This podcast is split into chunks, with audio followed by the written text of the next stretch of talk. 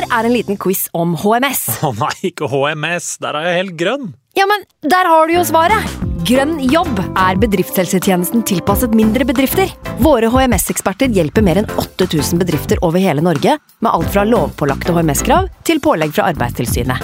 Få på plass bedriftshelsetjeneste på grønnjobb.no.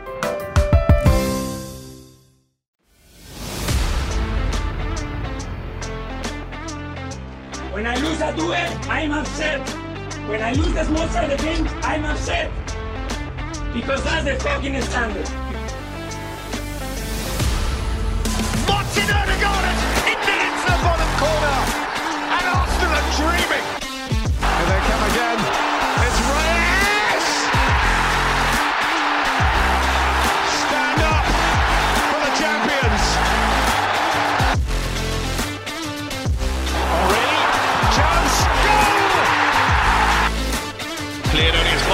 Nelson has to get his shot right.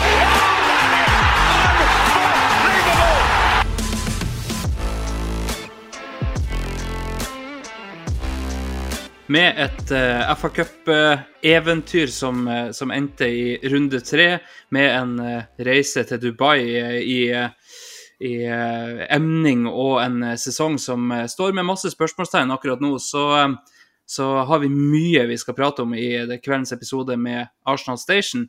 Eh, I kveld med samtlige i panelet på, eh, på plass. Eh, det er Sivert Skarsten Eriksen, det er Magnus Johansen og det er meg, Andreas Larsen, som skal guide dere gjennom um, sikkert altfor lenge med, med diskusjoner og roping og kjefting og i det hele tatt. I hvert fall hvis Twitteratet er representativt for åssen det blir her i kveld. Um, vi, vi fikk jo ikke akkurat Eller vi fikk jo på en måte kampen vi, vi hadde håpa på, Magnus, etter Fulham, som jeg og du prata om. Men eh, kanskje ikke resultatet vi, vi hadde forventa um, eller håpa på. Jeg vet ikke hvilke tanker du sitter med sånn helt innledningsvis her.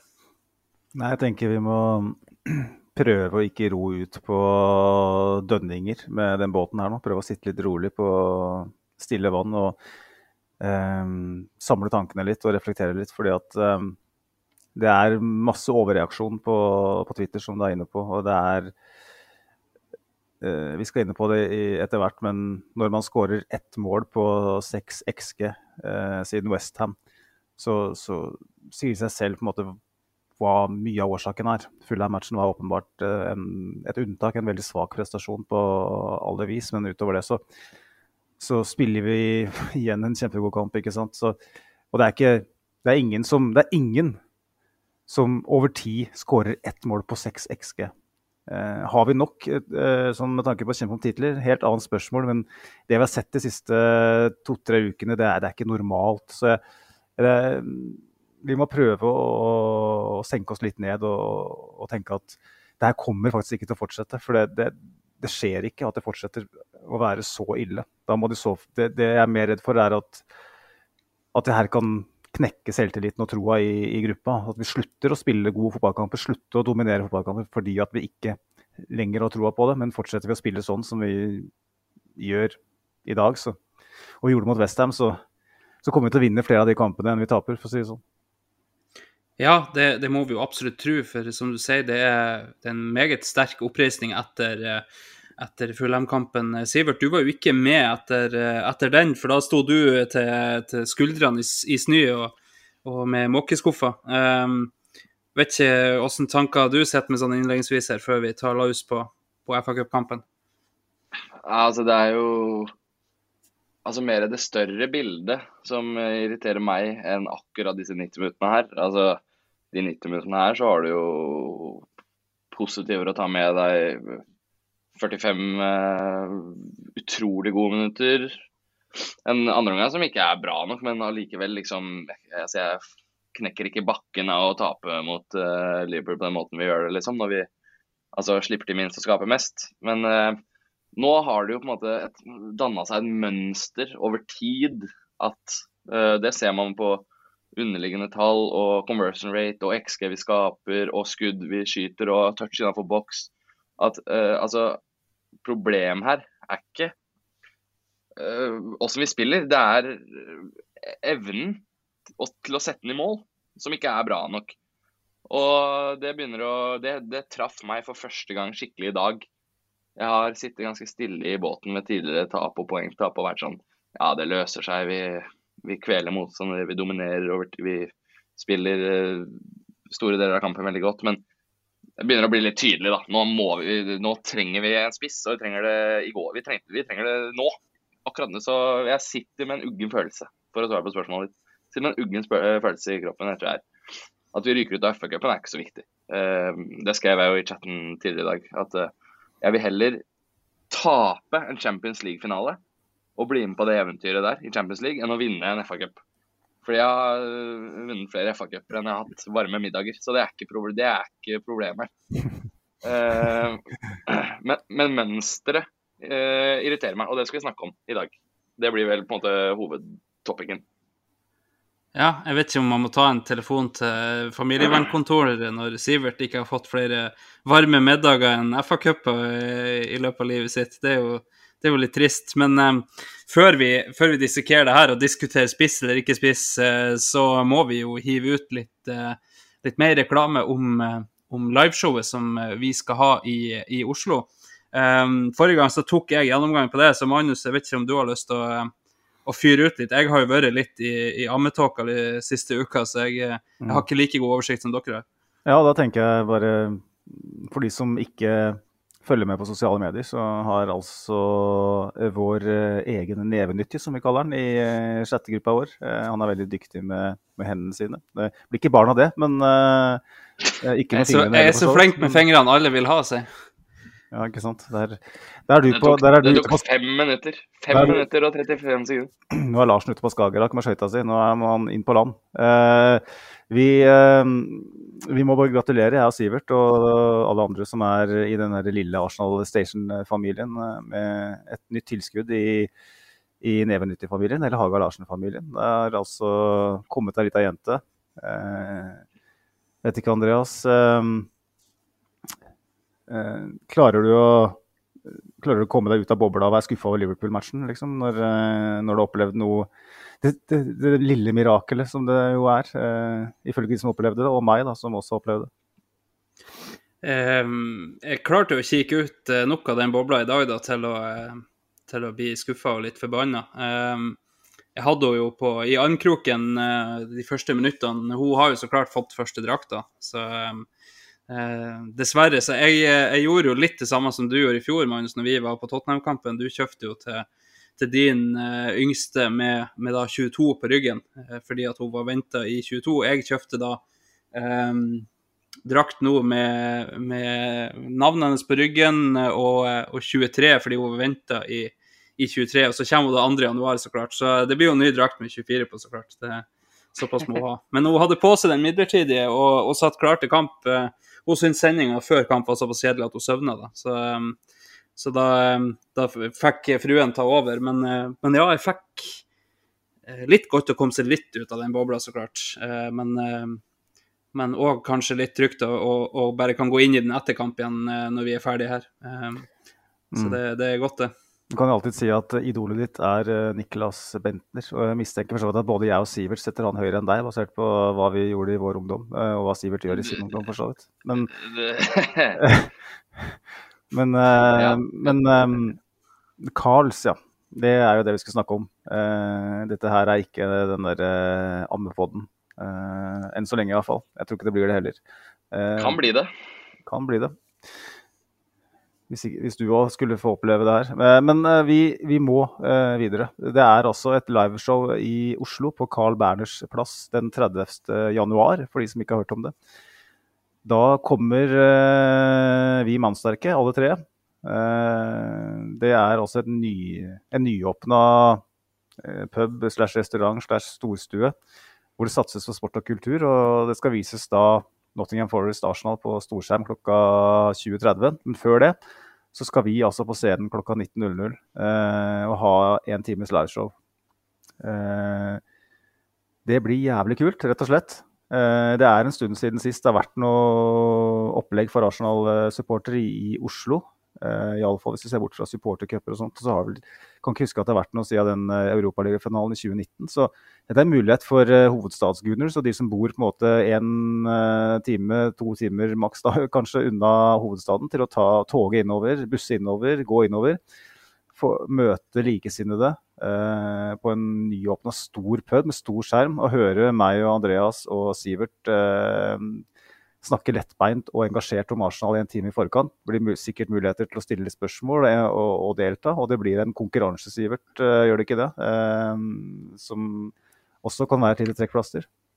Jo, jeg tenker jo at uh, vi må dra på litt. Uh, altså, Norske Gunners er flinke til å samle seg. Det ser jeg jo både på pubene rundt. Altså, Jeg er mye på Hybrid, jeg har vært på Bohemen. Uh, altså, Folk flokker seg, og folk digger. og altså, Fotball er en interesse vi har sammen med folk.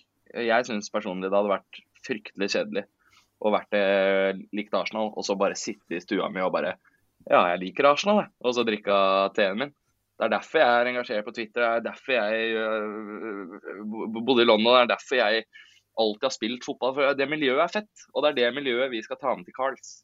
Og der skal vi ha en konkurranse. Du skal vinne Du kan vinne uh, noe fett. Jeg har ikke lyst til å si hva det er ennå. Men bare det, bare den quizen som det blir, det er faktisk grunnen nok til å være der. Om du hater meg og sier at du syns at de tweetsa er helt grusomme, så burde du heve deg over det og, og, og prøve å vinne den quizen, i hvert fall. Uh, for det, det, her blir kult. Det blir kult. Uh, det blir, uh, det blir en, en, time med kødd og halvannen time med Arsenal. Og tappekranen fem meter unna. Jeg skjønner ikke hvordan du kan ikke ville gjøre det. Nei, og, og hvis man er um, veldig uenig med Sivert, så er det en halvtime mellom uh, poden og eller liveshowet da, og kampen òg, hvor man kan uh, faktisk gå opp til deg personlig og, og ta den praten. Uh, eller man er veldig lei av å høre på meg og Andreas, f.eks. Uh, vi tar imot komplimenter òg, eh, men eh, vi er såpass sjenerte at vi, vi, kommer ikke til å be om det. Eh, eh, men, jeg, Nei, men her, jeg, jeg, jeg, må bare understreke hvor, hvor, viktig det er med noe sånt her. Altså, dette er ikke Ja, det er vi som står i bresjen for det, og det er vi tre som skal stå der og prate. Men i, altså, sånn, over, over, altså, overalt så er ikke dette en Arsenal uh, Station utelukkende bare Arsenal Station-kveld, altså, eller en Deadline Day-kveld, eller en Arsenal Nottingham Forest-kveld. Altså, dette er alt svøpt sammen i en stor Arsenal-kveld. Om, om, dette er den første episoden du noen gang hører på, uh, og hører om Carls nå, uh, paradoksalt nok, så er du Det er, det er perfekt. Det innenfor alle kriterier som er mulig å sette. Trenger ikke være medlem av noe lokal supporterklubb, noe norsk supporterklubb, noe arsenal.com. Hvis du liker Arsenal, eller fotball generelt, eller hva det måtte være, bare kom og ta deg en pils eller en solo, eller hva det måtte være. Det blir, det blir gøy. Mm. Ja, det blir det så absolutt. Dette er jo noe vi har hatt uh, lyst til lenge. Uh, å få til å samles, ikke bare vi tre, men, men uh, forhåpentligvis en del av dere som, som hører på òg.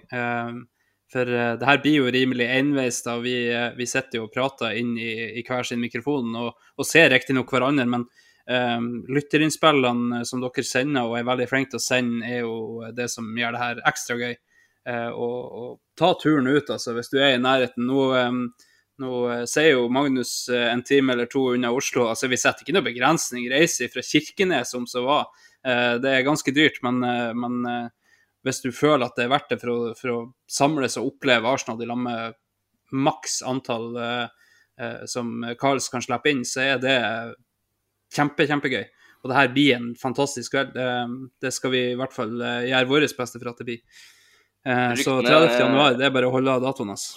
Ryktene sier jo faktisk at Norwegian har solgt et par ekstra seter eh, i forbindelse med den kvelden her. Eh, folk er, folk er sultefora på å samles, og det er gøy. Vi er, så satser på at, uh, satser på at vi klarer å ja, nå ut til nok folk, og at, uh, folk, uh, at det går opp i hverdagen til folk. Så kan det bli bra, det. Skal, skal vi si det sånn, gutta, at hvis, hvis, det kommer en De tre første som kommer til oss med flybillett og dokumentasjon på at de har reist, tatt fly for å møte oss, får spandert en øl fra Arsenal Station på det, eller? Ja, oh, yes. det har jeg ikke noe problem. Da, da, da, er spørsmålet gjelder den for meg òg, eller? Jeg har jo allerede dokumentasjon. Nei, du drikker ikke øl, du. Nei, OK, det er greit. Sorry. Det blir, det blir vann på meg. Nei, men eh, da føler jeg vel kanskje vi har sagt det vi skal. Vi skal jo minne om det her så klart eh, før vi gir oss òg, bare sånn kjapt. Men, eh, men kom, eh, kom på Karls eh, 30. januar. Det blir utrolig, utrolig gøy. Um, skal vi på den eh, Karlsvogna som skal dundre videre innover Oslo på byen og videre. Det blir bra. meget, meget. Ja, det blir gøy, det.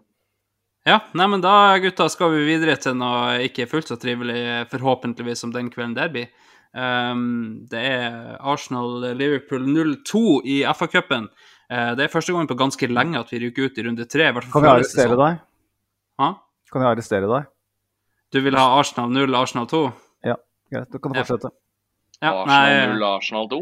ja, vi taper jo mot oss sjøl, Sivert. Liverpool skaper ikke nok til å skåre to mål. Det er ikke det det handler om. Vi, vi, vi, vi skårer det første målet, som eh, på en måte blir eh, avgjørelsen, på sett og vis. Og vi, Ja.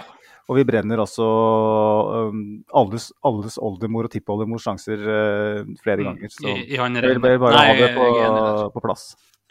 Og det, det sa jo jeg på en måte til deg òg etter kamp i chatten vår, Sivert, at, at Arsenal får litt som fortjent i dag. Det gjør vi så absolutt. Men Liverpool får ikke egentlig det de fortjener. Eh, for jeg føler ikke Liverpool er bedre enn oss i, i dag. De er bare mer effektive. Eller de er jo ikke egentlig er- effektive heller når vi skårer sjølmål. da. Når du er bedre i begge bokser, hvorfor fortjener du ikke å vinne da? Er Liverpool så jævlig gode i boksa i dag? Jeg syns Hvor, hvem, egentlig hvor, ikke det. hvem, hvem var det som eh, markerte Saka når han eh, brant de to Nå sto helt på blank nesten der. De, Mm. de er ikke gode i dag, Liverpool. Det er bare vi som ikke klarer å omsette sjansene våre. Ja, enig. På samme vis som når vi tapte mot Westham, så er det ikke Westham som er bedre enn oss. Det, det som er for dårlige for oss sjøl, eller for gode for oss sjøl, eller åssen du velger å se på det. Eh, men, uh, men det skal vi jo prate masse om, da. Um, litt sånn uh, Litt overraskelse kanskje før eh, kamp her, men eh, eh, kanskje ikke så overraskende hvis Jesus er ute, Zinchenko er ute, så er det jo Kivior på venstre. Uh, Ramster er tilbake i mål eh, i, i cup. Eh, og så er det da en midtbane med Jorginho, Declan Rice, Ødegaard eh, bak eh, eh, Saka, Havertz og Nelson, da. Um, Sivert, du sender jo det her ganske tidlig til oss, um, for du har jo eh, gode kilder på, på det meste. Um, vet ikke hva du tenkte når du på en måte fikk det laguttaket der? Nei, altså det er jo ikke veldig bra, holdt jeg på å si. Uh, eller altså, det er det jo. Det er det beste vi kan stille med. Men det som irriterer meg, er jo at eh, altså, Kiwer er jo en uh, forbanna god spiller, han. Men han er ikke noen venstreback. Og Havertz er ikke noen spiss. Uh, altså, folk får, altså, spillere får beskjed om å spille i posisjoner de ikke bekler like godt som det Altså, Kivor er bedre sentralt, og, og Havertz er bedre et knepp ned på banen. Så det, altså skuffa over å ikke se Trossard to på topp her. Litt mer eh, dynamisk, men det Jeg sa jo ikke det etter 45 minutter, på en måte. Da Havertz kom jo til muligheter og spilte en god omgang. Han burde, burde bare putta. Så jeg, jeg sitter ikke på noen fasit på det. Eh, Stirrer, mønstrer godt lag. Eh, Kult å se Nelson i 60 minutter. Jeg syns han var dritgod. Overraska over at han ble tatt av. Jeg syns han var vår eh, kanskje friskeste spiller i dag. Eh, ja, hva skal jeg si, da?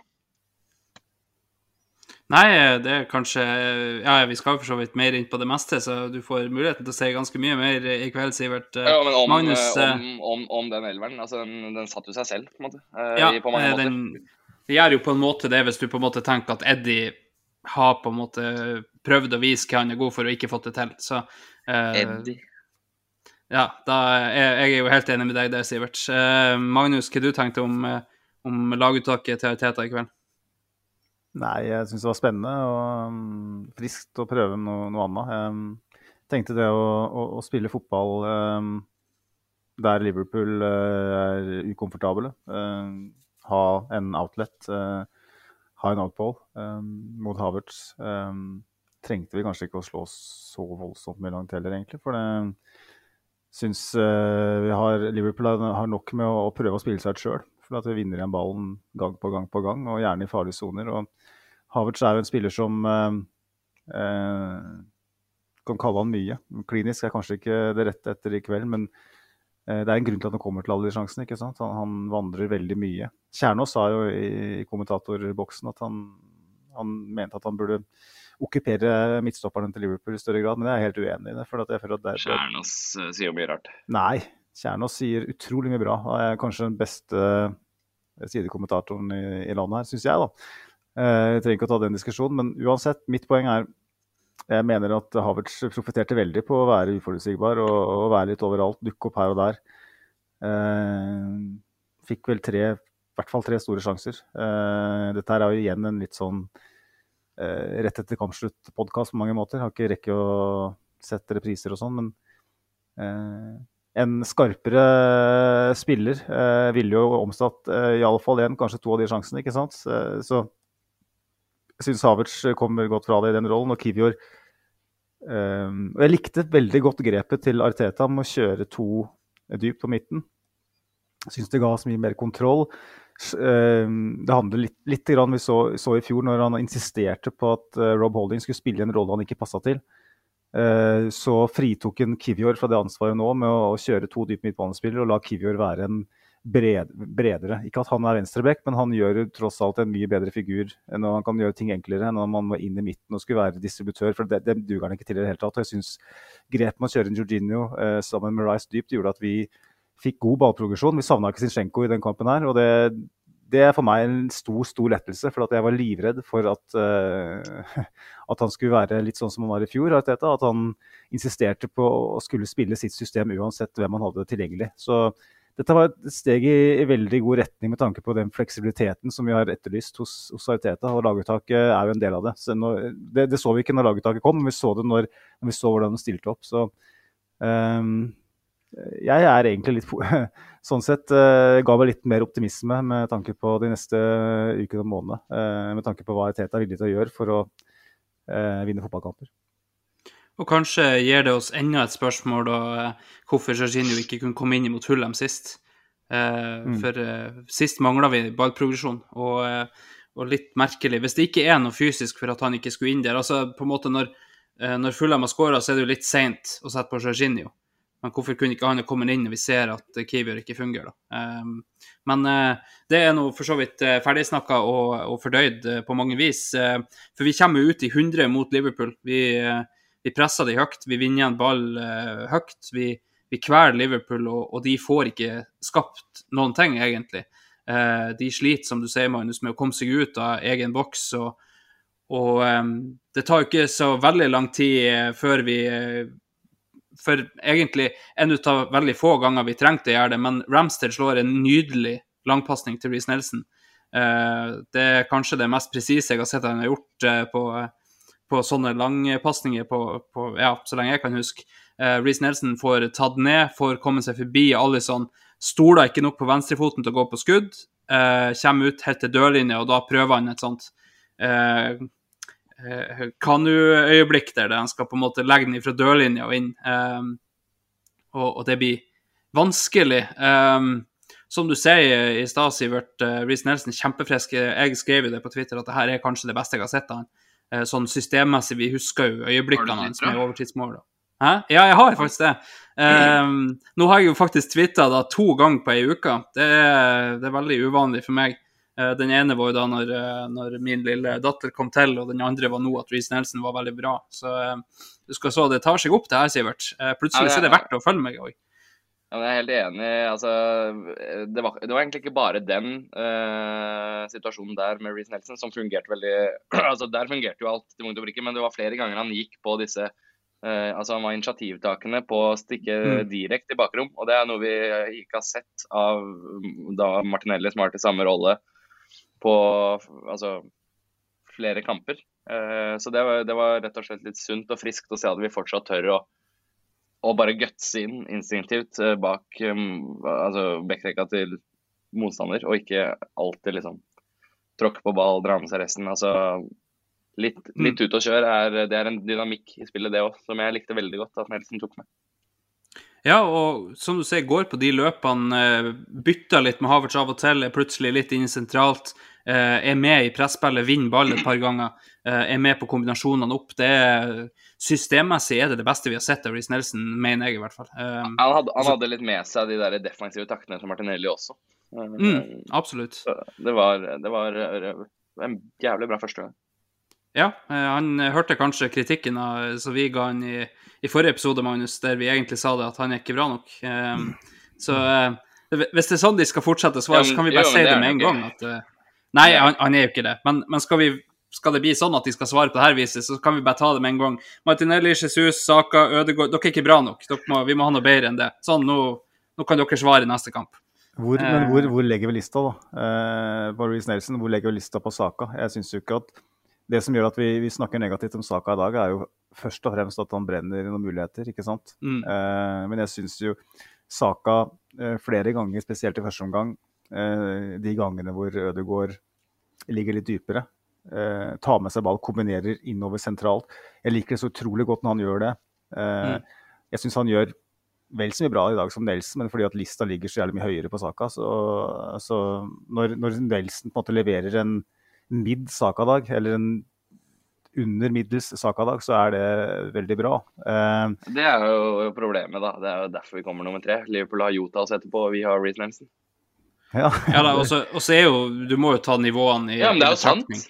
Ja, det, det er helt sant. Ikke at vi kommer nummer tre, det er ikke helt sikkert enda. Men uh, jeg er ikke villig til å gi helt slipp på det enda. Men, uh, men uh, at han ikke er bra nok nei, for nei. en som vil vinne ligaen, er, er Men, jeg enig i. Ikke ikke at vi kommer nummer tre. Poenget mitt er at om vi kommer nummer tre, så er det fordi at annenfuglinnspillerne våre er Reece Nelson og Emil Smith-Roe, og City har Foden og Doku, og Liverpool har Ikke sant? Du skjønner? Ja da, og, det er et veldig godt poeng. Altså, eh, samtidig så må man jo på en måte rose de som Når nivået er litt lavere, så må Ja, ja. du rose de for sånne prestasjoner. Hvis jeg sprenger 60-meteren på under 15 sekunder, så er det ganske bra. Hvis Jakob Ingebrigtsen gjør det, så, så er ikke det så veldig bra. Eh, Nei, så, det er derfor jeg starta episoden med å, med, med å hylle Reece. eh, eh, ja, jeg har bare to tanker i huet på en gang. Han er ikke bra nok og var god. Ja, nei, men det, det, det er jo for så vidt godt oppsummert, det. Um, og, og vi fortsetter jo å skape ting da, gutta. Det er jo eh, eh, sjansen der Ødegaard plutselig helt alene, får legge til rette, legge i tverra. Eh, Havertz kommer både på et innlegg og, eh, og får et par muligheter der han blir spilla opp, i, i tillegg der han bruker et par touch for mye, som regel.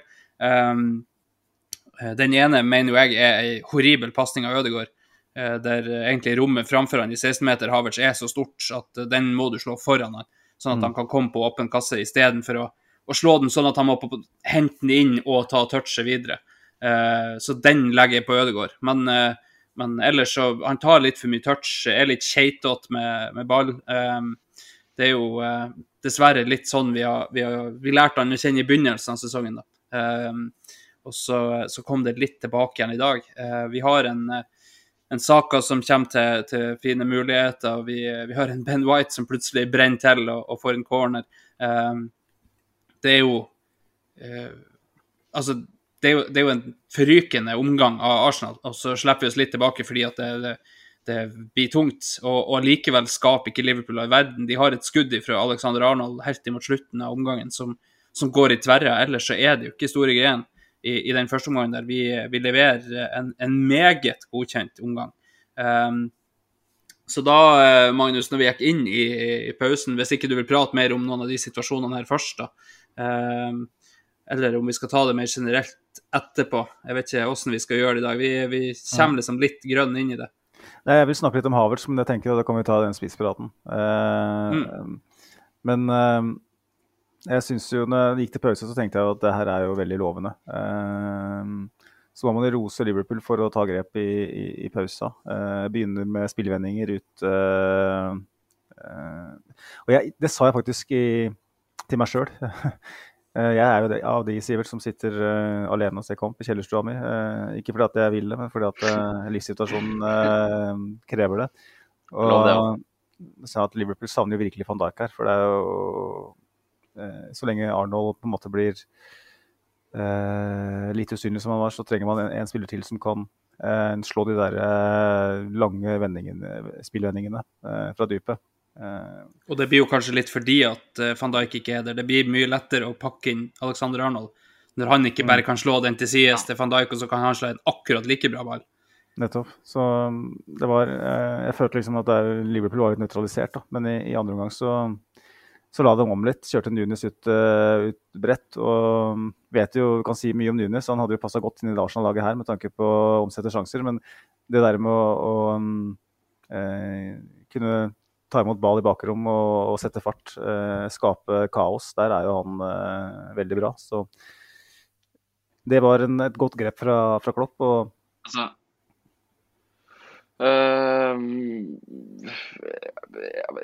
det, det, jeg bryter inn for å si at uh, dere satt i pausen og var uh, altså så lyst på det, men, uh, og, altså, og at vi nøytraliserer Liverpool og sånne ting. Og, og da vil jeg bare skyte inn, eh, bare for det passa så bra nå, at eh, jeg fikk en melding i pausen av eh, kompisen til fattern. Han er litt oppi åra, skikkelig, skikkelig Liverpool-fan. Eh, han skrev 1-1 i tverrleggere. Trent lykkes ikke foreløpig mot Gunners. Og så skrev jeg Nei, han gjør ikke det. Syns vi har vært veldig bra. Men eh, dette er jo same old Arsenal. Sett det før, skårer ikke. Eh, denne tar Liverpool.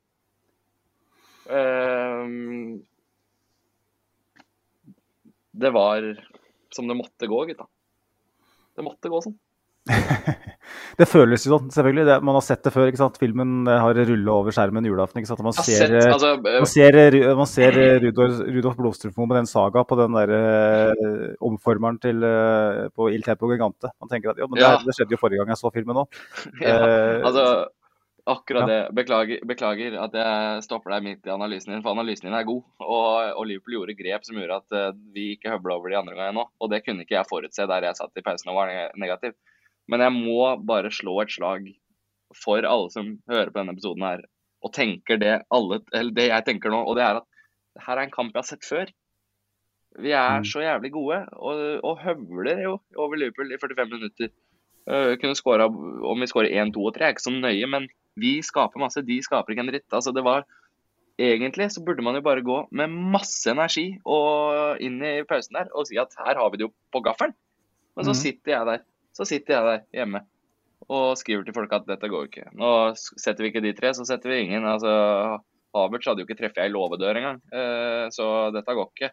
Og nå gjør Klopp en eller annen eh, taktisk eh, greie og setter ja, Hva er det han gjorde? Satt inn en 16 år gammel Cal og så satte opp Trent og Darwin ut. og Han bare finner på et eller annet, og så vinner Liverpool 2-0. Jeg har sett det så jævlig mange ganger. altså.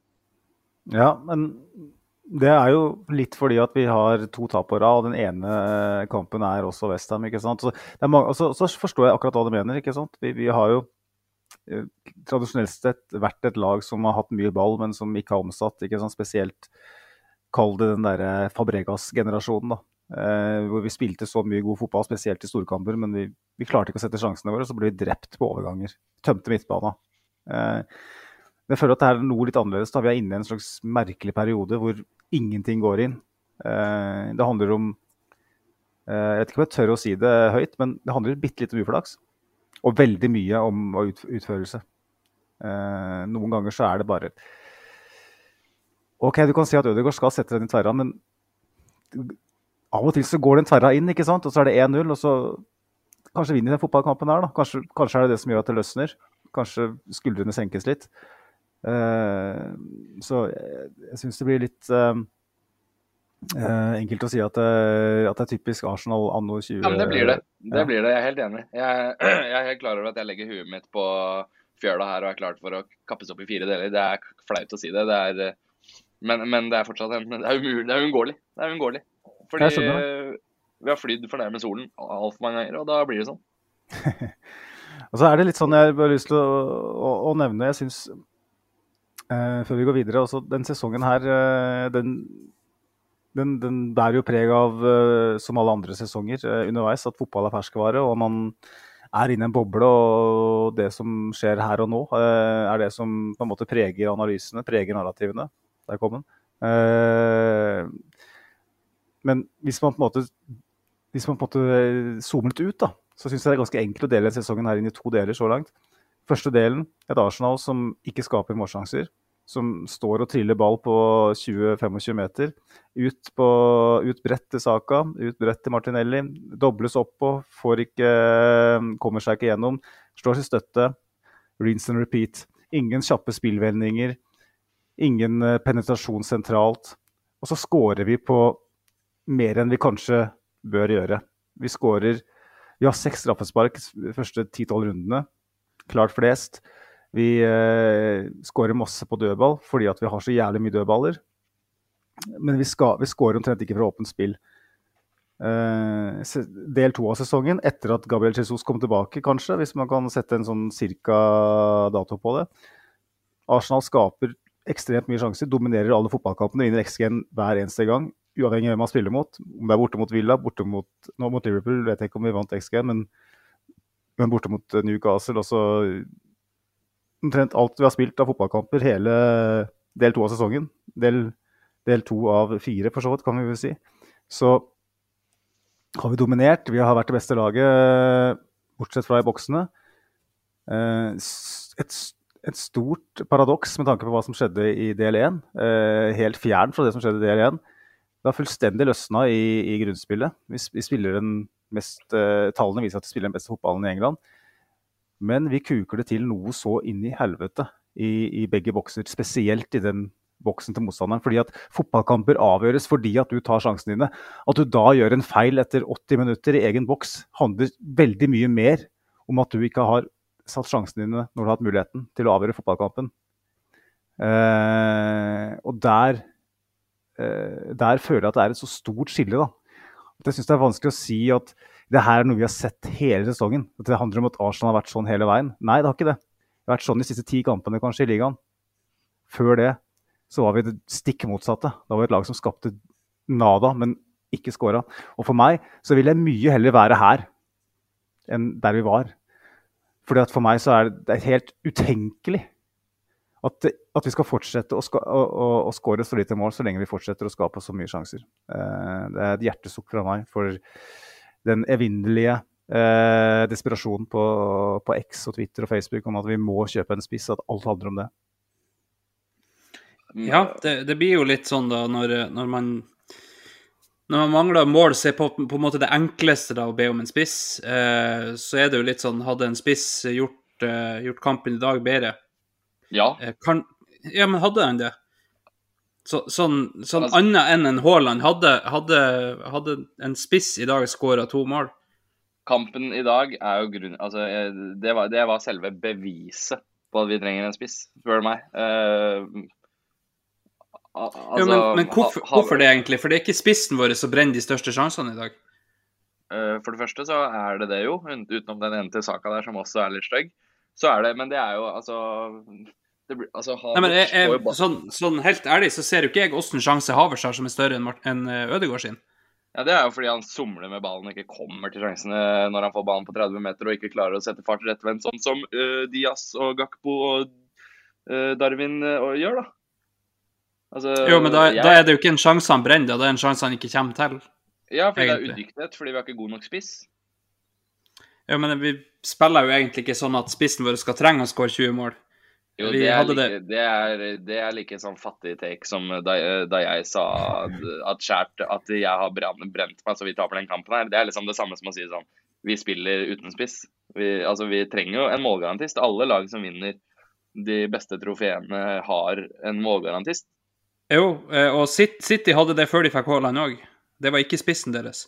Og vi hadde målgarantister i fjor, Agu- på vingene våre. Det var vel, Jo, men det var vel en sesong Aguero eh, to og- hvor og eh, Gabriel Jesus spilte mye spiss. Og vi hadde De Bruyne blant annet også som eh, falsk nier en del, del matcher. og vant fortsatt, uh, fortsatt liga. Eh, og Aguero var jo heller ikke skadefri uh, hele tida. sånn, sånn at eh, det er mulig å si at, at man kan vinne en tittel uten å ha en nier som skårer masse mål. Det har jo Liverpool vist eh, også. Det, jeg, jeg tenker jo at det viktigste budskapet her er jo Vi trenger, vi trenger ikke én spiss, vi trenger ikke én nier, én ener. Vi trenger mål. Og hvor mye mål eh, får du av å hente en spiss i januar som er et, eh, et kompromiss på mange måter, da, enn en man henter fordi at det finnes ikke mulighet til å hente førstevalget. Eh, alle er vel enige om at vi trenger en spiss sånn på sikt. Eh, men hvor mye er det å hente i å gjøre en signering i januar som er litt sånn desperat eh, aksjon fordi at man, man er i en litt vanskelig periode. Det er mye mer mål å hente i det laget vi allerede har. Og nå høres jeg ut som den jævla kukøyde optimisten. Eh, og det er jeg jo ikke. Eh, Jeg mener vi trenger en angriper. Jeg er veldig veldig bastant på det. Vi må kjøpe inn en angrepsspiller. Men eh, at vi må hente inn en spiss som skal løse alle problemer, våre problemer, det syns jeg blir veldig enkelt. Det er hva, hva i all verden eh, er det spillerne våre holder på med foran kassa. Alle underpresterer. Og så har vi snakka om at er det fordi at det er noe feil med systemet. Men i dag så ser vi jo nok et eksempel, sånn som vi så mot Westham. At det er ikke systemet. Det er bare spillere som er ute av form. Som ikke utfører. Hvis Saka, Martinelli, Ødegaard, Trossard, Havertz osv. presterer bare på halvparten av sitt målskårerpotensial, så sitter vi med tre mål til på de siste tre kampene, minst. Men alle bare brenner og brenner og brenner. Altså, det er jo merkelig. og klart Hvis det fortsetter, da må man jo begynne å lure på hva er det noe som gjøres feil mentalt her. Er det, er det noe med psykologien i, i, innad i garderoben som gjør at man er, har kjempehøye skuldre og er livredd? Men den mest sannsynlige utveien her er at de spillerne her begynner å nærme seg et normalt nivå igjen. Og hvis de begynner å score altså Nå ligger Martinelli an til, to, nei, til fire mål i Premier League på en, eh, en sesong. Ødegaard ligger kanskje an til åtte. Saka ligger kanskje an til åtte. Alle de der skåra dobbelt av det i fjor. Martinelli skåra i 15. Han har skåra to nå. Mm. Hvis han er i nærheten av å finne en bare halvveis formen, så vil jo han putte fem-seks mål i, i, andre halvdel av sesongen. ikke sant? Eh, Ødegaard vil skåre flere, Saka vil skåre flere. Hvis, hvis, vi slutter å utføre så dårlig, og da, da, ligger det så mye mål der, så uendelig mange flere mål der enn hva en én spiss kan gi oss. Men jeg er òg enig i at vi trenger friskt blod. Vi trenger en én til som kan sette den ballen i mål. Um, og når vi har så mange touch i boksen som det vi har, når vi dominerer fotballkampen på den måten vi har, så er det fristende å tenke at en stor, sterk jævel der som er kompromissløs i boksen, kan eh, avgjøre de kampene hvor, og skåre det tidlige målet som vi mangler. Så jeg er helt enig i det. Men, men vi, må, vi, må, ikke glemme det vi kan løse internt, som er enda viktigere. Ja, og det er jo derfor eh, typer som Clive Palmer da går til ordet for, eller tar til orde for å få en venstreback som kan løsne spillet. Der er, jo, der er jo jeg og du, Magnus, eh, og garantert Sivert òg helt uenig. Eh, fordi at eh, skoen trykker ikke der. Ja, den har trykt der nå de, de, to siste kampene, kanskje. Sivert, du har noe du vil si? Uh, jeg må bare si at jeg har sagt siden uh, oktober at de to neste signeringene i året er Zinchenko og Jesus ut. Så jeg er jo enig med Palmer. Han vil jo bare ta det i en annen rekkefølge av meg. Jo, jo da, og, og, så kan du jo si at vi på en måte allerede har eh, forhåpentligvis skulle ha fasa ut Zinchenko med Timber. Eh, og så får vi se hvordan det går. Det, det, er urettferdig å forvente at han skal gjøre det nå, eh, men, eh, men, vi får jo se hvordan det går fra høsten av. Eh, og, og, helt klart at vi trenger en nummer én-spiss, det er ikke tvil om. Eh, problemet er bare at det lar seg ikke gjøre nå i januar. Det går og det er, ikke. Og jeg skal ikke være grinete og negativ fordi vi har tapt og fordi et eller annet annet. Men altså, jeg er enig i at vi ikke får svart på alle verdensproblemene i januar. Altså Januar, det har vi snakket om før, det er et vindu hvor du henter øh, åpninger som plutselig åpner seg. Øh, eller at på en måte dominoeffekten øh, fører, fører, deg til en åpning. Aubameyang f.eks. kom i januar fordi Giroud gikk til Chelsea, som gjorde at Batshuayi kunne gå til Dortmund, som gjorde at vi kunne hente Auba. Altså, sånne ting skjer. Um, så vi skal ikke på en måte utelukke det helt, men uh, jeg tror jo at uh, det er til sommeren som vi får en skikkelig offensiv storfisk. Uh, ja, og det må på en måte bli til sommeren. Ja, Arteta sa det jo i dag òg, at det er urealistisk å hente noe nytt nå som skal konkurrere med å løse noen problemer, holdt jeg på å si. Eh, pengemessig og alt mulig det er sikkert det han sikter til. Han sier jo ikke det, men sikter sikkert til det. Så han ber jo bare alle supporterne stelle seg bak spilleren og sånne ting. Og det er sånn Ja, jeg gjør jo det. Altså, det er ikke det det handler om. Eh, men det er jo lov å se at vi har et, et åpenbart behov samtidig som man, eh, heier, som man heier på spillerne og prøver å løse det internt, som Magnus mener. Ja da, og så er det jo det at eh, alle er jo, som Magnus sa i stad, alle er jo enige om at vi må ha en spiss. Eh, det er bare det at det Ja, Arteta også er jo enig i det. Ja, ja, ja absolutt. Og, og det, er, det, er, bare egentlig så enkelt som at det problemet kan vi ikke løse i januar. Det, det går ikke.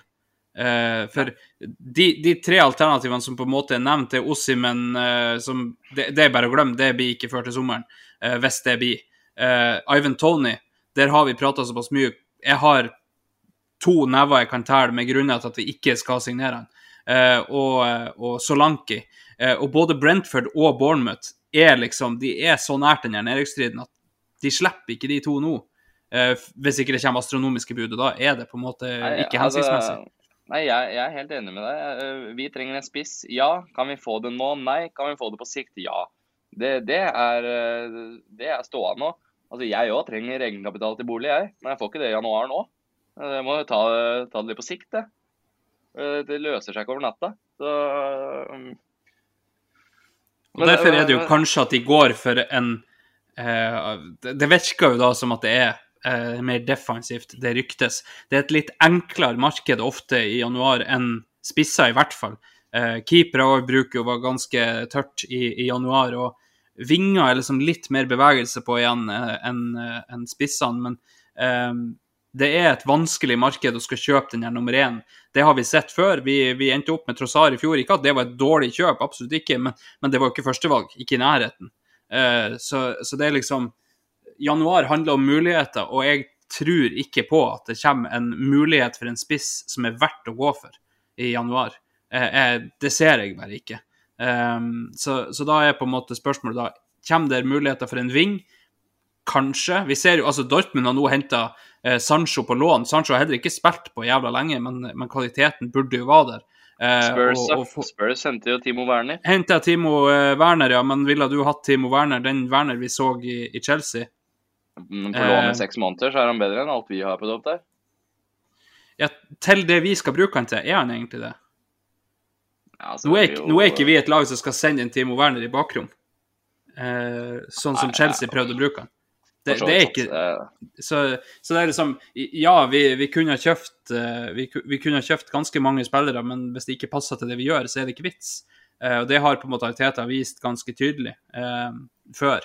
At eh, det er ikke vits å kjøpe her for å kjøpe. Eh, og så gikk det kanskje litt for langt i fjor, når, når det, når det rakna litt, grann, men og året før, når topp fire røk. Men eh, det er liksom sånn vi, vi er nødt til å stikke fingeren litt i jorda. Jeg ser jo folk som melder at ja, Stan og Josh, nå er det bare å finne frem pengeboka. Men det er ikke sånn det funker.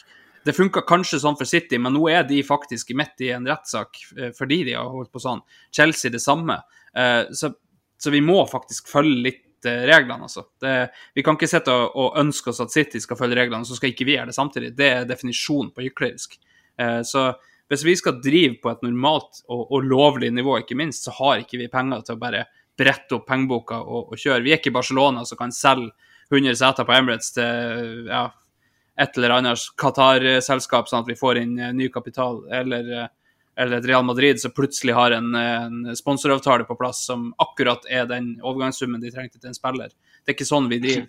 Eh, så Nei. Så da, da er det på en måte litt eh, unødvendig, egentlig, men vi skal diskutere litt mer det her. Magnus, du har jo tatt deg en eh, liten toalettur. Um, Det, det måtte lytterne vite. ja, det, jeg bruker å si det når du har gjort det, for at eh, når du har vært så stille så lenge, så begynner jo de å bli redd for deg, Ja, stakkar. han, er ikke, Ja, ja. han, han bruker ikke sitt holdekjeft, holde han. Nei, det er jo nettopp det. Ja. Og altså, når, når min lille datter her plutselig blir helt, helt stille, så er det jo sånn at da kikker jeg jo bort og eh, går, går det bra med deg? Så um, lytterne nå kunne på en måte roe seg ned med at eh, Magnus har det bra. Eh, Ja. så- Jeg løfter høyre, jeg at, eh, høyre arm og, og smiler. Nei, venstre arm er det, og smiler. Så ja, og, og kan prate. Da er, det, da er det ikke slag, i hvert fall. nei, det er ikke Eh, sånn. Nei.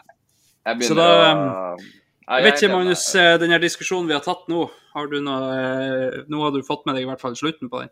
Eh, har du noe på en måte innspill til det? Vi har på en måte endt opp i at vi er enige i at vi trenger spiss, men det er usannsynlig i januar. Ja, altså det her er uh, kjernen av hele episoden, føler jeg. Det, fordi at hele Twitter koker over av, uh, av sånne eh, tirader om at kjøp Tony, kjøp uh, Osserman, drit i FFP og bare go out and spend the money. Så jeg er helt enig i det. Vi trenger en angrepsspiller. Klart, er det en, altså, Hvis speiderapparatet sitter med en kjempegod deal her eh, og en kjempemulighet, så for all del, kjør på. Eh, men jeg tenker jo at det er lettere å hente en en eh, såkalt wide forward, da, en som ikke spiller i sentrallinja. For Å kjøpe og selge spillere fra sentrallinja i januar, det er ikke, er ikke så vanlig å gjøre. Så jeg tenker at det faktum at Nelson blir valgt i dag, når det skal roteres litt, vise igjen det jeg var litt inne på i forrige episode. Ariteta ønsker seg en veldig tydelig profil eh, på kantene. Eh, og det er tre spillere i stallen som har den profilen. Det er Saka, Nelson og Martinelli. To av dem er ubestridte førstevalg. En av dem er ganske langt unna nivået, eh, basert på det vi har sett så langt, og basert på spilletida han får i Premier League. Eh, det vil si at én skade gjør at man må ta et, eh, et valg som man ikke ønsker å, å, gjøre. Enten må spille en spiller som ikke er god nok i rollen, eller å sette inn en spiller som ikke passer i rollen. Eh, eller, altså, ja, Du skjønner hva jeg mener. Så Spiller tross alt golf, eller? Jeg, jeg, vet ikke helt hva, hva greia er, men nå, nå, har han endt opp med å ikke bli noe som helst. Eh, og det er jo litt trist, da. Eh, det er jo potetens eh, triste skjebne ofte. at du er litt god til alt, og så ender det med at du blir skvisa ut i, i alle, alle, roller. Um, ja, vi ser åssen det gikk med Mittel Niles. Ja, han ville jo ikke være potet, men uh, sånn at uh, Trossard tror jeg nok fort kan komme igjen, også for all del. Og jeg trenger Trossard nå, for det, han bor det en del målpoeng i. Uh, men trenger, vi, vi, trenger en, en som kan skremme vannet av motstander. Jeg har sagt det før, jeg sier det igjen. Se på Hvis Nottingham Forest trenger penger, sende et skambud på Elanga. da. En som kan, virkelig kan løpe. Elanga Ja. Ni, han, er, han, er, 20 år, ni, på, ni, mm. ni, målpoeng i Premier League for en klubb som er i fullstendig kaos. Han er livsfarlig eh, når han har ballen rettvendt. Han løper fra omtrent alt som er. De dansevideoene på sosiale medier kan han spare seg for. Men eh, United betalte 1 milliard for Anthony og solgte en spiller som er dobbelt så god. Det er jo ganske utrolig. Eh, jeg tror Elanga det er, bare, det, er, det er, en sånn markedsmulighet. Da. Jeg sier ikke at han er det beste alternativet. Men Nottingham Forest er litt i trøbbel, da, hvis vi skal tro eh, rapportene med FFP. De trenger å selge. Det er god business for dem da å selge Langa til, eh, for det dob doble pris. da. De betalte 15 millioner pund. Sier vi legger den pund på 30. Da får du en spiller som, kan, som jeg mener er langt bedre enn Reece Nelson. Eh, som passer langt bedre i rollen. Eh, det er en markedsmulighet, så enkelt som det. Eh, Eventuelt uh, så har du jo fem målpoeng i en ganske sånn tek, altså Til nå har du fem målpoeng i en ganske teknisk uh, wide player. da, Han uh, brasilianeren på Fulham, William Borges. Da sitter han, er, han, er, han, er, han er på straffer og har vist seg roen verdig og teknisk. han har rutine, vunnet mye. Var det, var det her et stikk til meg å si at uh, Elanga Shouta var så dårlig at du begynner å dra inn William? Ja, Du kan snakke opp alle spillere sånn, som er i elveren i Premier League. Altså... Nei, men jeg har sett, jeg har sett Alanga spille, da. Ja, og så er det jo er det profilen, da. Langa er jo, er jo relativt lik Martinelli i, i den der rå farta og teknikken, da. Uh, så da har du plutselig en litt lik streng å spille på. Uh, en liker streng enn å sette Rosari, f.eks. Jeg skal ikke gjøre meg så upopulær og være så uggen i dag. Jeg er litt sur, men eh, så uggen skal jeg ikke være. Hvis vi noen gang henter Elanga og han får en markant rolle i Arsenal, så skal jeg kjøpe så mange spekepølser og hansa til deg, Magnus. Det gleder meg. Jeg gleder meg. Uh, husk, at, uh, husk, at, husk, at, jeg meldte både Trossard og Timber som gode signeringer for Arsenal en gang i tida. Jo, men Trossard var jo mustard da, i Brighton. Han, det var ikke Elanga, det. Nei, nei, men samtidig... Jurien Timber eh, var det ikke så mange som hadde hørt om. Nei, nei du får den. Du får den. Du får den. Og så, er det litt med det der at det er ikke det det handler om. Da. Men jeg bare, det var grunnen til at jeg um, grunnen til at jeg sa det her og var litt cocky, det var fordi at uh, du begynte å melde om spekepølser og Hans Afat, og da, da føler jeg for å Da ble Magnus sulten? Veldig sulten og tørst. Um, så ja, men det, altså, Nei, Vi er enige, gutta. Altså, jeg må bare bryte inn og si at jeg vil ha en spiss, dere vil ha en kant. Eh, og altså Alle tre vet at løsningen er innad i de spillerne vi har nå. Uh, altså, det er um, Vi har fått en drøss med lytterinnspill på, på, på, det her. Altså, folk Det er et megahot topic etter Selvfølgelig er det det. Når det butter imot, så ser vi på hva vi har gjort gærent. Vi, hva har vi gjort gærent? Vi har ikke scora. Da vil folk ha en spiss. Jeg også vil ha en spiss. Jeg skriker etter en spiss. Og jeg, Jeg vil ha Ivan Tony. Jeg vil ha Oshimen. Altså, jeg vil ha en uh, høyreist uh, fyr, eh, brei fyr med like mange kilo på seg som midtstopperne, som er god med rett, uh, feilvendt til, å, til å spille med Ødegaard, til å sette opp Martinelli. Det er det jeg vil ha. Det er ikke mange av de i Europa. Det får vi ikke nå i, i januar. Uh, må ha spiss. Alle sier det. Uh, Fredrik uh, Sandborg sier det. Må ha spiss. Uh, Pål Espen Solberg, vi trenger offensiv kraft. Altså Kasper her. Ma Magic Kasper. Hvor mange sjanser skal det gå an å brenne? Skåret ett mål fra seks for G og XB. Eh, vi må på markedet og hente en spiss før det er for seint. Eh, Lars Ramstad. Hvis det ikke kjøpes en spiss i januarvinduet, så, er- så er det en fallitterklæring. Altså, jeg kan bare fortsette og fortsette og fortsette. Vi har sikkert fått 50 stykker som vil uh, ha spiss. Og jeg, jeg, all, all, all, alle her er helt enig i det. Uh, Magnus òg. Og hvis han roer seg ned og åpner en Hansa og skjærer opp litt spekepølse, så vet han også at, så vet han også at Jesus ikke er bra nok. På sikt, på sikt er det ikke det. Det er bra skuespiller, men uh, han eh, tar ikke på seg uh, hatten og blir en uh, Champions League og Premier League-vinnende førstevalgspiss. Vi trenger spiss, og vi trenger det noe så jævlig. Men det skjer ikke nå i januar. Uh, da er det bedre å bolstre seg med en kantspiller og, eller en back eller en eh, defensiv midtbanespiller. Eh, og det mener jeg helt ærlig hvis jeg, når jeg har roa meg ned litt. Og, altså Det er mål i laget Den matten vinner alltid, og den matten tilsier at vi skulle skåra syv mål på, på kamper vi bare har skåra igjen. Det er piss. Det er bare piss. Ja, det er det. Når du fortsetter det, det, det er jo samme som vi ser om en spiss som ikke skårer. Kommer man til mulighetene, så kommer det målet. Og når det kommer, så løsner det kanskje ordentlig. Så trodde vi at det gjorde det mot Brighton, og så viste det seg at det gjorde kanskje ikke helt det. Eh, men, eh, men det er liksom litt det der da at det ligger noe så vanvittig uforløst over det her laget her. Det er, det er så mye som skapes, og det er ingen logikk i den villeste verden som tilsier at det her skal fortsette. At vi skal øh, skape liksom tre-fire sånne nesten øh, 100% sjanser, liksom, ifra 70 og opp i hvert fall. Eh, og så skal vi ikke score mål.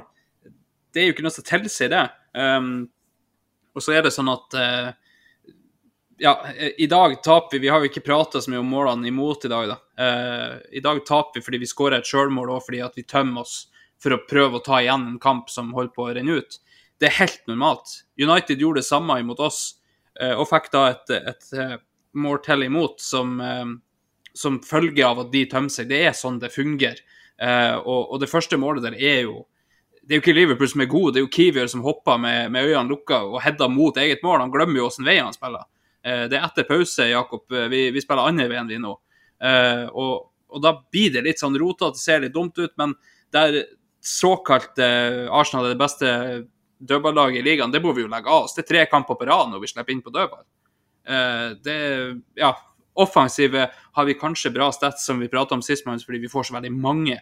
Men defensivt er vi jo relativt dårlige. Det er liksom markeringsfeil, det er feil mann som går i duell, vi blokkerer ikke løp lenger. Det er liksom eh, Ja, det, det ser jo ut som vi er litt i kaos. Jeg syns så synd på en Aaron Ramster i dag, som egentlig gjør en kjempekamp, og så får han to i kassa i stedet, liksom, som, som takk for maten. Eh, vi har prata om en keeper som, som vi har tidligere, som ikke baila ut eh, forsvaret sitt når de gjør feil. I dag gjør jo egentlig Ramster det, det er bare at de ja, hjelper han ikke så mye tilbake. Um, og så trenger vi ikke å ta den diskusjonen, for den er på en måte veldig død. Men eh, det, blir liksom så, det blir liksom så dumt, de som melder at vi er elendige i dag. Vi er jo ikke elendige i dag, vi er veldig gode i dag. Uh, og, og når vi da ser på det vi trenger, så er det på en måte Vi har så bra eh, fundament bakover, og så er vi egentlig ganske bra framover òg, det er bare det siste lille. Eh, og da er det på en måte den diskusjonen kommer. Hadde vi hatt en som kanskje var i, i hakket bedre mentalt state enn Martinelli, f.eks., å sette innpå, eh, som får det første målet der, får høl på det og, og kan, eh, kan hjelpe oss i, i så måte, så er det kanskje så er det kanskje nok da, til at vi vinner 90% av kampene, i hvert fall, for vi er såpass gode. Eh, problemet nå er bare at vi har ingen å sette innpå når, når det butter. Eh, Sivert, du har noe du vil si? Altså, eh, Twitter er jo på alle mulige motpoler. Altså, det er alle takes som er mulig å få, det finner du bare én scroll ned på Twitter-feeden. Og nå er det, nå nå er det hett. Nå er det, det er krangling på det store internettet nå. Uh, men fasiten her er at mot Westham så har vi 2,73 er den offisielle XG-en der. Eh, slipper til 1,50. Uh, så der er, der straff, straffespark i tillegg, Ja, som ja. kommer når kampen er avgjort, på en måte. Ja, så der eh, coacher jo Arteta oss til tre klink poeng. Fulham eh, slipper vi Altså 1,85 er det vi lager sjøl, det er det vi burde skåre. Eh, slipper til 1,41. Eh, mye jevnere match, men altså coacher til en seier. Eh, Arsenal eh, mot Liverpool i dag 1,89. Liverpool 0,85. Så altså, eh, det den tweeten da initierer, at the system, the system is working. Eh, og, det, og det er fasiten her. Og da, når problemet er at vi trenger mål, vi trenger selvtillit, og vi trenger distinkte avslutninger, og vi trenger eh, instinktive avslutninger, så mener jeg at da må vi Altså Du kødda jo i stad, Magnus, og sa at nå skal gutta til Dubai og sole seg litt og finne formen igjen og begynne å happe litt og finne smil igjen. Og bli litt eh, Altså få av seg ryggsekken. Og det mener jeg faktisk er et eh, litt undersnakka poeng. Eh, altså det, det er jeg enig i. Og også når vi trenger mål, og sn alle snakker om vi har ikke målskårer, vi trenger en målskårer. Og eh, Jesus har vi ikke å velge i. Du har Havertz, Eddie og Trossard som spissalternativ. Da mener jeg da må Trossard spille spiss. Altså, for han er eh, en spiller som har målpoeng i seg på det belgiske landslaget. Han hadde det i Genk, han hadde det i Brighton, han har det for oss. Altså, han er det målpoenget. Den Mm. XG-en hans eh, svarer han på. Eh, de andre alternativene syns jeg ikke gjør det. Så min lille bønn, fordi vi får ikke spiss, det har vi jo snakka om nå i en time, at eh, vi henter ikke spiss. Så min bønn er å bruke Trossard. Altså, for, for å gi han litt mer selvtillit og litt mer tillit. Eh, ikke, ikke selvtillit nødvendigvis, men tillit. Så er det mål i, i Trossard. Eh, og, og vi har sett det fungere med Trossard, Martinelli, Saka før også. Så det er på en måte mitt lille håp fremover. Ja.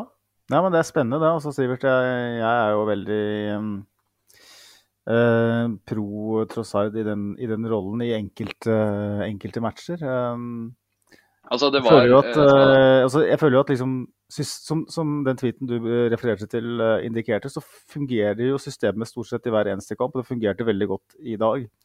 Og en av årsakene er jo også at uh, Havertz gjør veldig mye rett uten ball, som veldig mange andre i laget her. Um, I en tenkt eh, situasjon hvor Trossard får de sjansene som, som Havertz får, så er det lett å se for seg at han setter en av dem. Um, han har vært litt ute av form, han òg, og det er litt av problemet, som alle andre. Uh, det, er, det, er liksom, det er helt utrolig at så mange kan være eh, off-it samtidig. Eh, men det er ingenting som indikerer at OK, enkeltkamper så kan du si det, men det er ingenting som indikerer sånn i hver eneste kamp da, at eh, at det er sånn at det er noe som gjør at sjansen er vanskeligere. F.eks. Westham og Liverpool er to veldig gode eksempler. To veldig nylige eksempler som viser at de sjansene vi bommer på, det er sjanser som man skal sette. Um, og Trossard kan absolutt uh, sette dem. Um, så vi har og Det er litt av, litt av mitt poeng da, når jeg sier at vi trenger en angriper. For jeg føler at vi har jo Jesus uh, sin skade sies jo ikke være alvorlig. Nå skal vi ha to ukers pause, så virker som vi kan anta at han er tilbake eh, mot Crystal Palace. Eh, da har vi Jesus, Havertz, Trossard, Eddie Nketia. Fire stykker som kan spille spiss. Eh, fire stykker som eh, ja, Eddie og Jesus har en del til felles. Men det er en del eh, forskjellige ferdigheter her da, som kombinert med de rundt seg kan by på en litt annen, litt forskjellig dynamikk. Så eh, jeg føler liksom at vi, vi trenger mål. Vi trenger ikke at det kommer inn en helt annen type som skal by gjøre noe annet i spissrollen. Vi trenger at de som er i de posisjonene, setter den ballen i mål når muligheten byr seg. Eh, og det, det er på en måte hele greia. Og så, er, så kan vi sikkert diskutere de store kampene eh, når vi har få sjanser. Eh, så kanskje vi trenger en som er eh, litt annerledes, som er, litt mer, som er mer klinisk, åpenbart. Men eh, vi skal spille 19 ligakamper, eller 18 ligakamper til. Vi skal spille i Champions League. Eh, hvis vi fortsetter å produsere det vi produserer, så handler det så utrolig mye om bare å sette ballen i mål. Og det, det leder meg på en måte videre inn på det er når vi ikke setter de ballene i mål, da, som vi ikke gjør. så, så det, blir det etterlyst plan B fra flere lyttere på både Facebook og på, på Twitter. På, på, Facebook så har vi fått et kjempelangt innlegg fra Gabriel. Han er ikke brasiliansk, tror jeg. Det er en fjerde Gabriel i Arsenal-miljøet som heter Ådeland. Nesten rart han ikke spiller, vet du. Ja, Han hadde sikkert hatt vel så god sjanse for å skåre han som de andre Gabrielene. Men uh, han skriver også som vanlig har Arteta ingen plan B og bruker for lang tid før han bytter. Jeg er klar over at det blir mye negativitet, som han skriver. Han skriver en del i forkant òg, som ikke tar med. Så har vi vår uh, kanskje mest trofaste uh, kommentator her, i Stian Børling. Hei, Stian. Han skriver også en god del. Han skriver hvor skal Arteta finne sin plan B? Jeg vet ikke, Andreas. Eh, eh, vi er jo enige om at plan A funker veldig godt. Sånn mm. Eh, OK, vi skårer ikke målene, men den funker veldig godt, for vi dominerer og skaper. Men når det først ikke lykkes, da, så ser vi jo at manager tar taktiske grep mot oss. Vi ser Marco Silva tar et taktisk grep eh, nyttårsaften og gjør at vi slutter å skape der. Eh, eller fortsetter ikke skape, kan du også si.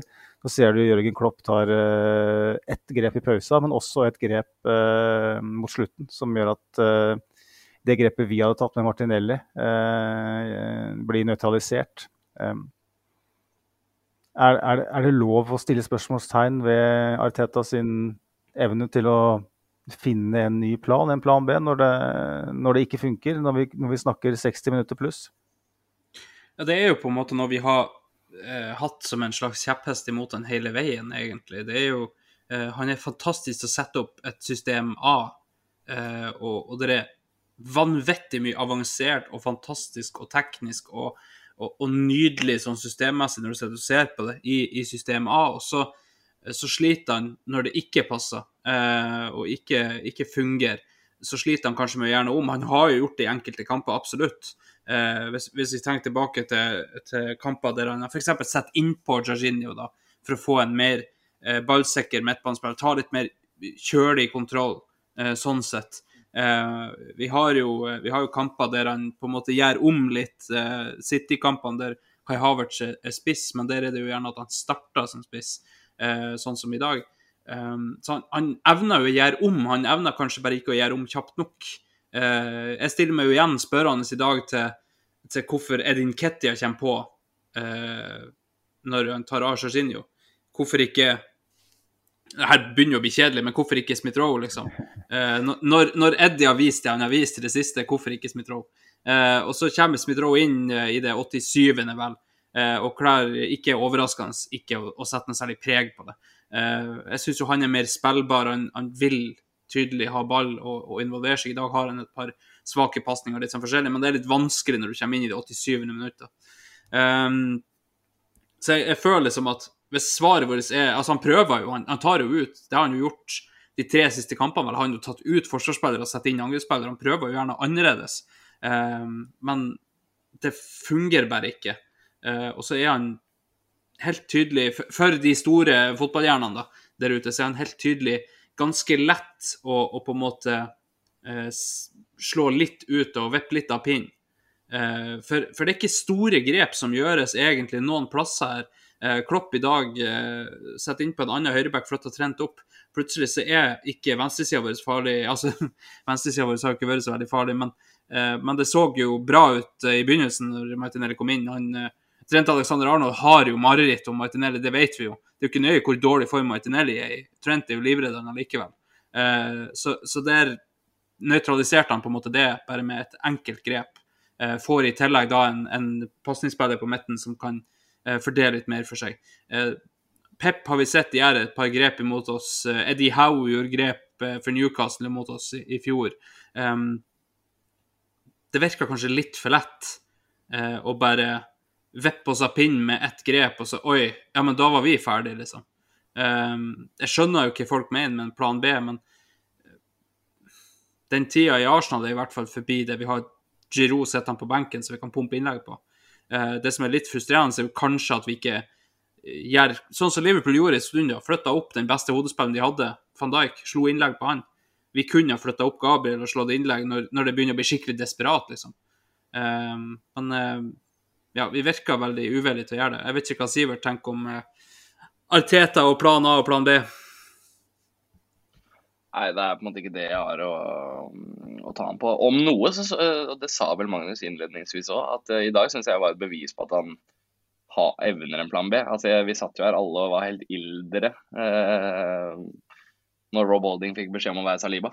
Eh, og siden det så syns jeg vi har sett en dreining mot eh, at han egentlig setter seg mer opp mot enkeltkamper og også gjør eh, mer altså,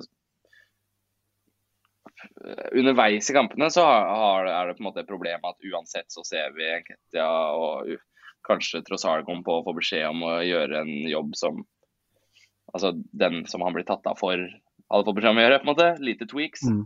Men eh, det har jo litt med altså, hva han har å velge i. Eh, så jeg har ikke lyst til å ta, ta dette på det. Jeg syns dere, synes dere tok, det, tok, tok dere av det fint.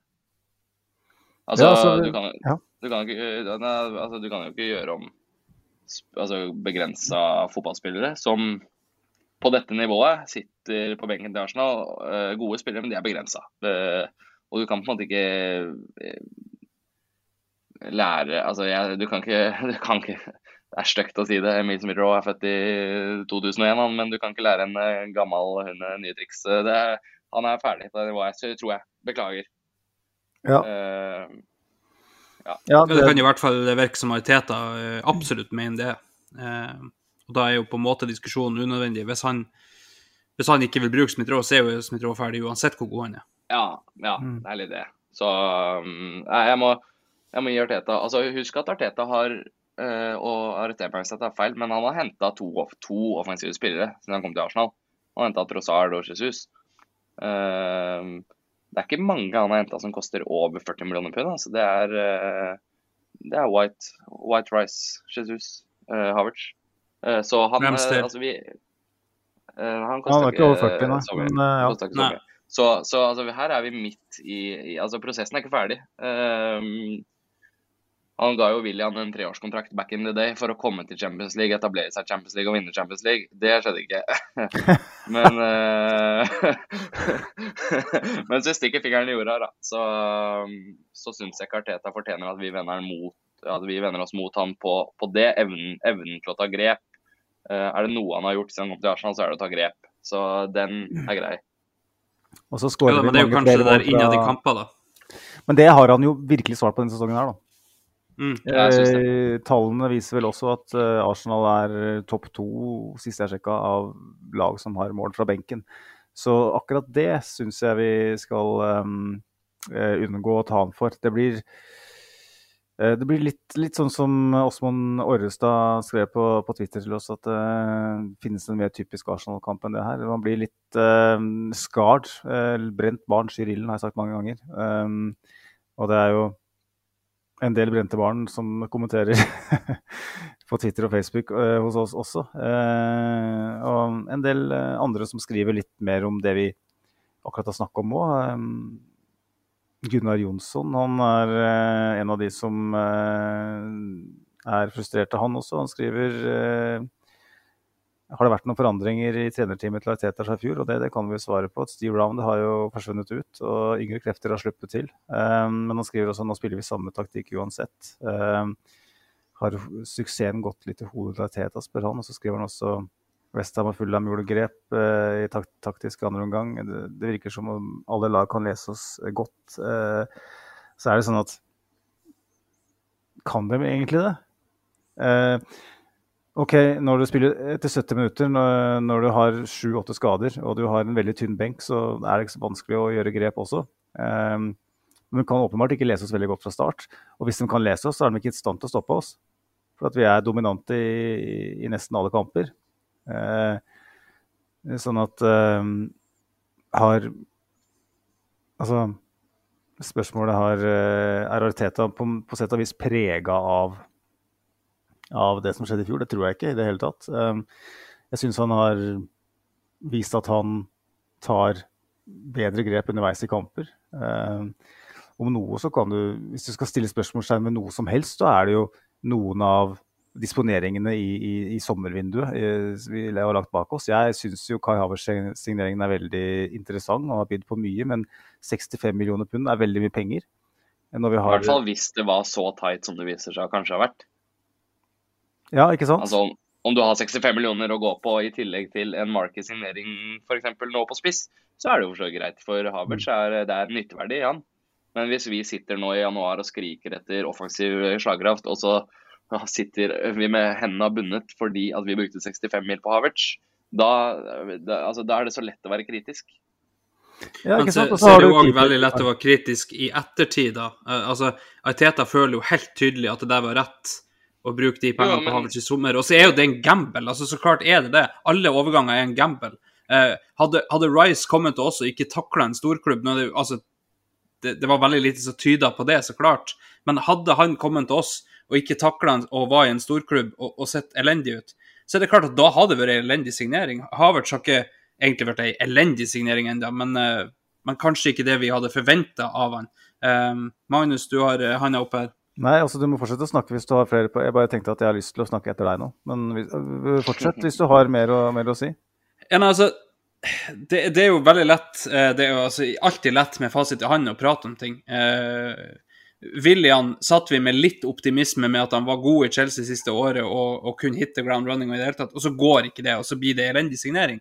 Eh, og, og litt det samme er det jo nå. altså Når, når uh, Aiteta bruker 65 millioner på Havertz, så er det en kjempeinteressant eh, signering med tanke på hvordan de vil bruke han i det hele tatt, og så bruker han altfor lang tid til å tilpasse seg.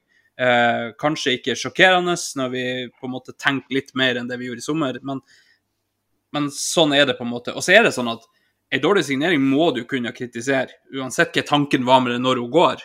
Eh, når du skriver navnet ditt på papiret, så, så blir du på en måte prisgitt hvordan det går i ettertid. Og, og når det går dårlig, så er det en dårlig signering uansett. Eh, Jo, og, og foreløpig jeg- så, jeg- så er jeg jo enig med deg, Sivert, at hadde vi sittet med de pengene nå, så hadde vi vært i en bedre situasjon enn det vi har vært eh, før vi signerte han. Eller, eller ikke før vi signerte han, men eh, enn det vi på en måte er, når vi nå sitter med en Havert som ikke er det og ikke er det, men er veldig bra defensivt. Eh, så jeg, Altså, jeg kjørte Magnus- opp poengene deres der. Magnus har dibsa spotten her, så jeg skal ikke bruke lang tid. Men uh, altså, alt jeg mener er at det er så jævlig marginer i det greiene her. Uh, vi bruker 65 millioner på Avertz, som jeg setter meg 100 bak. Altså, jeg, jeg har vært superpositiv til Avertz. Er det en som har vært det i den poden her, så er det faktisk meg. Og det er jeg etter i dag òg. Jeg gjør mye bra, kommer til mye bra. Uh, det er ikke poenget. Poenget er at, at vi er så uh, fucked, radbrekt rygg økonomisk etter å ha brukt 65 millioner på Havertz. Det irriterer meg. Fordi vi lå altså Husk at vi lå paddeflate hele sommeren etter eh, Rice og Havertz. Og så var det to spillere til som var supernære Arsenal. Kudus, som vi hadde hatt Å, å, vi hadde hatt så bruk for han når vi ser hva han gjør for Westham. Han er altså latterlig bra spiller. Og den andre, som vi var kjempeute etter, Ornstein også, meldte jo det flere, flere ganger. eh, Gundergan. Og altså Se for deg det Arsenal-laget her med Gundogan og Kudus. Altså, det, det, det, er, det er så marginalt at vi sliter nå. Men, men da hadde vi jo ikke hatt Havertz. Hvis pengene ikke var der til å gjøre mer etter Havertz og Rice, eh, så hadde jo ikke pengene vært der etter Kudus og Gundogan heller. ja, det, det, det, det var poenget her. At Havertz var jo ikke Altså, det var ikke første Men ja, eh, Magnus, eh, fri Magnus. Ja, sorry, Magnus. Eh, Takk. Det er sjelden jeg sliter med å slippe til. Men jeg føler jo liksom at Havertz er litt sånn Hvis du spiller Monopol, da, så har du både Studenterlunden og Torgata. Og så blir Sinsen tilgjengelig. Og du vet ikke helt hva Sinsen er, men bare Sinsen er grønn i stedet for gul. Og det er litt sånn spennende. Så kjøper du Sinsen, og så pantsetter du Studenterlunden og Torgata. Eh, som da Kudus og Gundergan, kanskje. Ja, men vi vil ha Rikshospitalet. Det er det er et annet spill. Jeg har ikke, jeg har ikke det på mitt monopol. Så, Rikshospitalet er jo blå. Det er mørkeblå. ok, der ser du. Det er litt problemer med sånne monopolreferanser, for de endrer jo gatenavn og sånn. Eh, men de som er over 30, husker sikkert de her eh, gatene som jeg refererer til. Det er på hytta vår i hvert fall. Eh, så er det de. men poenget mitt er at uh, Ja, vi, vi har Nauste og, og Fjæra og jeg vet ikke hva dere har for slags Nei, nå- altså, Gate, det har ikke jeg hørt før. Nei, nå må vi gi oss. Uh, nå må ikke Ja. vi um, Nei, Jeg er enig, du er på en interessant ferd. Fortsett. Takk. Uh, fordi jeg føler at um, jeg, er ikke med på at liksom, hvis Rice hadde vært uh, ikke hadde takla det ditt og datt liksom, Rice var Nei, det er ikke jeg heller. ah, Det er ikke Andreas heller. Her var det en rolle som var helt tydelig åpenbar for han. Ja, er en plass på midten for Arsenal. Mens Havertz er en gamble fordi at han byr på noe helt annet. Han er en helt annen type spiller, en rolle som har vært veldig definert. Eh, og det ser du på måten han inntok rollen på, måten han prøvde å omfavne det på, uten å lykkes de første ti kampene i hvert fall. Eh, så ser du at det en spiller som er veldig usikker på Dette, er på en måte en, en visjon Arteta har, om at kanskje kan det her funke jævlig godt. Mens Rice er sånn OK, alle vet at han er, har et hode av, eh, som har som er nødt. Han, alle vet at han er eh, mer enn kapabel til å gå inn i en storklubb. Det er lett å si det, selvfølgelig, men Jo, men det er Jo da, og, og, og poenget var jo ikke at det var en gamble, egentlig. Poenget var jo bare at hvis det hadde gått dårlig, så kunne vi ha sittet her og sagt at de 100 pluss millionene har vært jævla kjekke å ha hatt nå. Ja. Men eh, det blir bare så lett å si, for at Havertz ikke har på en måte gitt oss akkurat Ja. det vi ville ha. Og jeg sitter ikke her og, og, og sier at Havertz-signeringen var feil, jeg bare sier at 65 millioner pund er litt mye. Eh, og hvis du tar med da 30 millioner pund på som vi har pantsatt, da, kan du si, i gule gater på Monopol eh, for å få henta inn David Raja. Vi har pan eh, det er jo med nesten en riktigere referanse, på en måte. For, at, eh, for å få han, så må vi pantsette to gater. Eh, vi må vente til sommeren med å få betalt for, eh, for David Raja.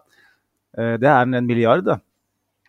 på to spillere som En spiller som på en måte er liksom Ja, eh, byr åpenbart på veldig mye, men er han virkelig, virkelig den, den rette mannen til å spille i den så viktige rollen ved siden av Declan Rice og midten? Det kan vi fortsatt ikke svare på. Og så en keeper som Ja, hvor mye eh, Hvor mange prosent eh, gjør han oss bedre? Hvor mye promille gjør han oss bedre? Eh, og så kan man si at OK, kanskje skulle man ha henta en Hvis man har fått Gundogan, da, det er jo et tenkt tilfelle. Det, det er jo synd vi ikke fikk han. Fått på free transfer. Um, med åpenbart uh, høy lønn og, og trans, sånn såkalt sign-on fee og sånt. Men eh, Og da kanskje holdt, ha, han kunne holdt den, det setet litt varmt da, fram til en yngre spiller kunne kommet inn. Eh, og så hadde man brukt da den milliarden på en, en angrepsspiller. Jeg sier ikke at det må være en spiss. Det, det kommer jeg aldri til å si før den spissen er der. fordi at jeg tror det er altfor enkelt å si at det må være en spiss. Det kan være en, en, en, eh, et alternativ til Saka Martinelli som er livsfarlig foran mål, som skremmer vann av folk. Det er ikke Langa, det er ikke det jeg sier, eh, for det, det tror jeg ikke det er. Men en, en virkelig eh, toppspiller. Hudson Odoi. ja, ikke sant? Man, det er jo der man er. Eh, Bayern ville jo ha han for 60 millioner pund. Tenk på det. Tenk på det. Så der, der, er det, der er det spørsmål å stille. Den milliarden vi har brukt på, og skal bruke da kan man si, på Raja og Havertz, eh, det høres litt mye ut for hva de faktisk gir oss, da. Eh, Ja, det gjør det. det, gjør det. eh, For Ramsdale, eh, den- praten kan du ta. Jeg syns Ramsdale i dag eh, Jeg har på en måte lagt den, den litt død, for at jeg, jeg gidder ikke å ta det. Men i dag så fikk jeg en litt sånn varm følelse av å se Ramsdale spille for Arsenal. Men det første han gjør, er å slå den i bakgrunnen til Reece Nelson. Du ser hvor skuffa han er når, den, når Nelson kuker det til. Fordi han vet at hvis han setter den, så, så er overskriftene eh, at Ramsay er god på distribusjon. Eh, han slår de lange, som alle snakker om at Raja kan slå. I stedet så blir det ikke det. Eh, og det skjønner han veldig godt. Men det er noe med den, han hadde vel to superredninger. Mm. Han holder oss inne i kampen. Og det er ikke det for å ta keeperdebatten, men det er fordi liksom, hvorfor bruke 30 millioner pund på en keeper som gjør oss bitte litt bedre? Jeg, jeg, har, jeg, har å, jeg, har, egentlig ikke hatt lyst til å ta den debatten, men når jeg ser Ramster i dag, så kjenner jeg på det. Ja, og det prata vi om sist, Magnus. Eh, da sa jo jeg akkurat det her. Eh, var det virkelig verdt det å skulle låse de pengene der for, for den promillen? Og så er det ikke egentlig keeperspillene gjør det bedre i heller. Eh, for keeperspillet, ja, Raja hadde bra stats i fjor i det hele tatt, men, men se hva Ramster gir oss i dag, da. To feberredninger.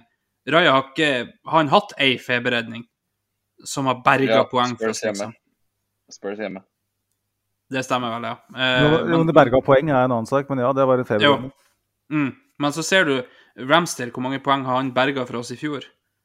Det, det er jo en helt annen sak. Eh, og da er liksom spørsmålet var, var det virkelig verdt det? Var det det? Å låse deg? Ødelegge egentlig eh, Englands eh, mest lovende keeper for at du skulle ha den der som liksom skulle være så god på distribusjon, så ser vi egentlig ikke så mye av det heller.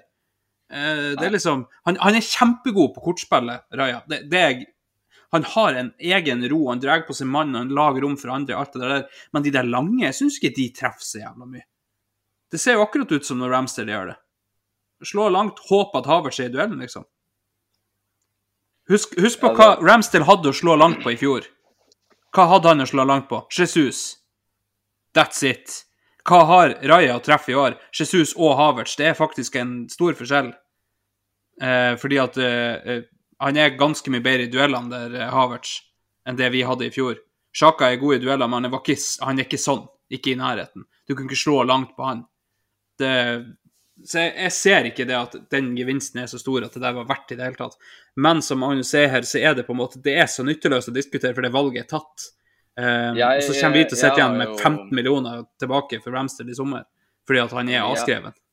Jeg har jo rett og slett altså bestemt meg for å aldri kommentere den keepergreia igjen. Eh, Jeg, jeg kommer ikke til å bli med på det dere driver med nå. Og hadde jeg vært lytter, hadde jeg, vurder- hadde jeg, jeg hadde ikke skrudd av, men jeg hadde tatt en pause. Jeg hadde hørt på noe Elvis Presley og, og skrudd av huet litt, for jeg orker ikke det keepergreiene. Intensjonen, Ja, intensjonen er jo det. Intensjonen er jo ikke, Ja. for meg fra min side i hvert fall, var jo ikke å diskutere keeperen. Det var mer det derre eh, bruk av midler, da. Eh, Altså, og så diskuterer vi jo alle andre plasser. Vi sitter her i januar og sier at vi har ikke Arteta sier det, og, og, og de fleste kilder sier at vi må sannsynligvis selge for å, Mm. å kjøpe. Um, det kunne potensielt vært det samme hvis eh, eh, uavhengig av Raja Dill. Fordi at den skal vel kanskje ikke betales før til sommeren, for alt jeg vet. Uh, det er vel det som i utgangspunktet er intensjonen. Og så jeg vet at det har vært litt rykter om at den skal betales nå. Uh, men det, det aner jeg ikke. Men 30 millioner pund der, da, som Mm. vi kunne ha lagt i potten for en, en spiller som vi eh, sårt trenger. Vi, det er som, som vi, Andreas vel, eller var det Sivert som eh, nevnte det? altså Den derre eh, nærmest eh, ignorante holdningen til å, å, signere spillere i den siste tredjedelen er eh, litt, eh, litt spennende. Det skal bygges fundament eh, hele veien. Også, det snakkes om at Ser jo, flere liksom sier at eh, ja, vi har altfor mange skadeforfulgte spillere, eh, og det har vi jo. Men eh, sånn som på, på bekken, da. Hvem, hvem har bedre bredde på bekken enn Arsenal? Eh, nevn et lag som har bedre bredde på bekken enn Arsenal. Uh, Nei. nei. Zinchenko uh, og Ben White da, sier det første valg. Så har du Tibber, som potensielt skal være det. Uh, du har eh, Kivior. okay, Tommy Tomiyasu. Tomiyasu. Thomas Party. Mm. Eh, sånn at, og så er både Chelsea, Chelsea har jo veldig, veldig bra dekning på bekken. Ja, men dem er ikke, jeg føler at det blir eh, litt useriøst å nevne, men bare fordi det er Chelsea. Eh, så, har det, så har du både så har du Tomiyasu, Zinchenko, Timber og Party ute samtidig. Så sier folk at ja, men sånn, sånn er det å ha skadeforfulgte spillere. Og det er jeg på en måte enig i sånne prinsipper, men alle de fire spillere er ute samtidig, hva er oddsen for det? Mm. Eh, og det er liksom sånn derre eh, Skal hente en venstrebekk nå. Hva skal han gjøre om to måneder, da? Når Tomiyasu er tilbake til fra, fra Asia-mesterskapet og Thomas Party potensielt er, er skadefri, det, det tviler jeg på. Men Han skal dytte Cedric ut av benken, det er det eneste han skal gjøre. ja, det er sånn derre Hva skal man gjøre? Mm. Så det å prioritere det nå, det er jo galskap. Eh, Mm. Vi har jo voldsom dekning der. Så må vi bare må vi da stå, da det bordet her må stå på tre bein da, i den perioden, og så må vi bare håpe at det går bra. Fordi at en investering på Litt sånn som eh, vi snakker om nå, da.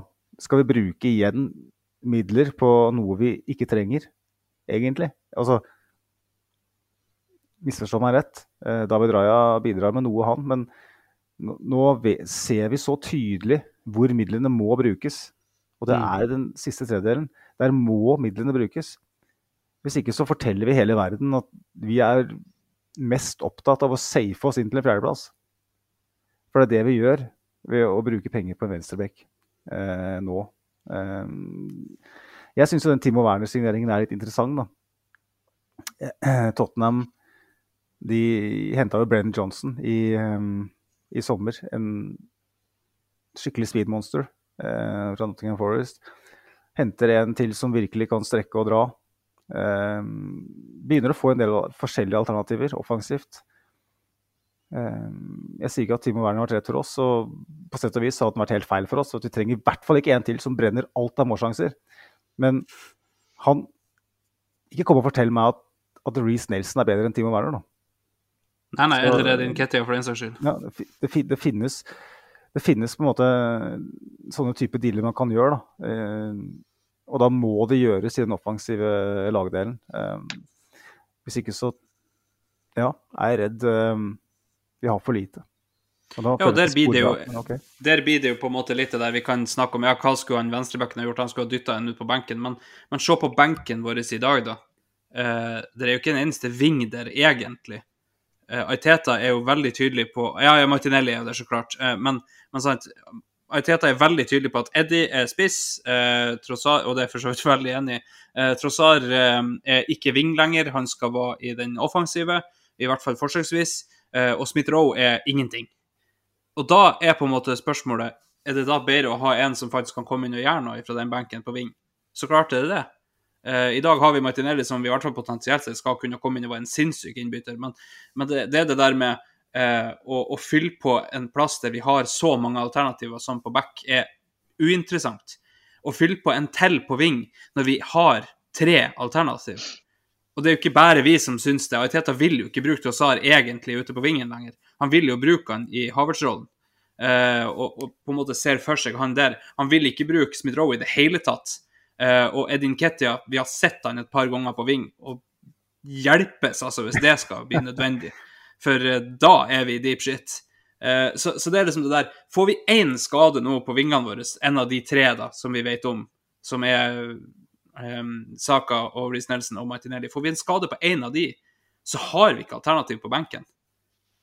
Og, og det er kjempeskummelt. Så, så, da føler jeg liksom at Ja, jeg, jeg ser folk eh, rope etter spiss, der har vi masse alternativer, og, og vi har på en måte prata det i hjel nå, hvorfor det ikke er mulig i januar, egentlig. Eh, og så må vi se etter muligheter på, på eh, ving, og gjerne en som kan gjøre begge delene, det er ikke det. men men det er så tydelig for, for, meg at når du ser de benkene vi har, vi ser de laguttakene vi har, så er det så tynt på de vingplassene nå at, at det ikke er tvil om at det der det må, må komme noe nå, hvis vi på en måte skal se herifra og inn.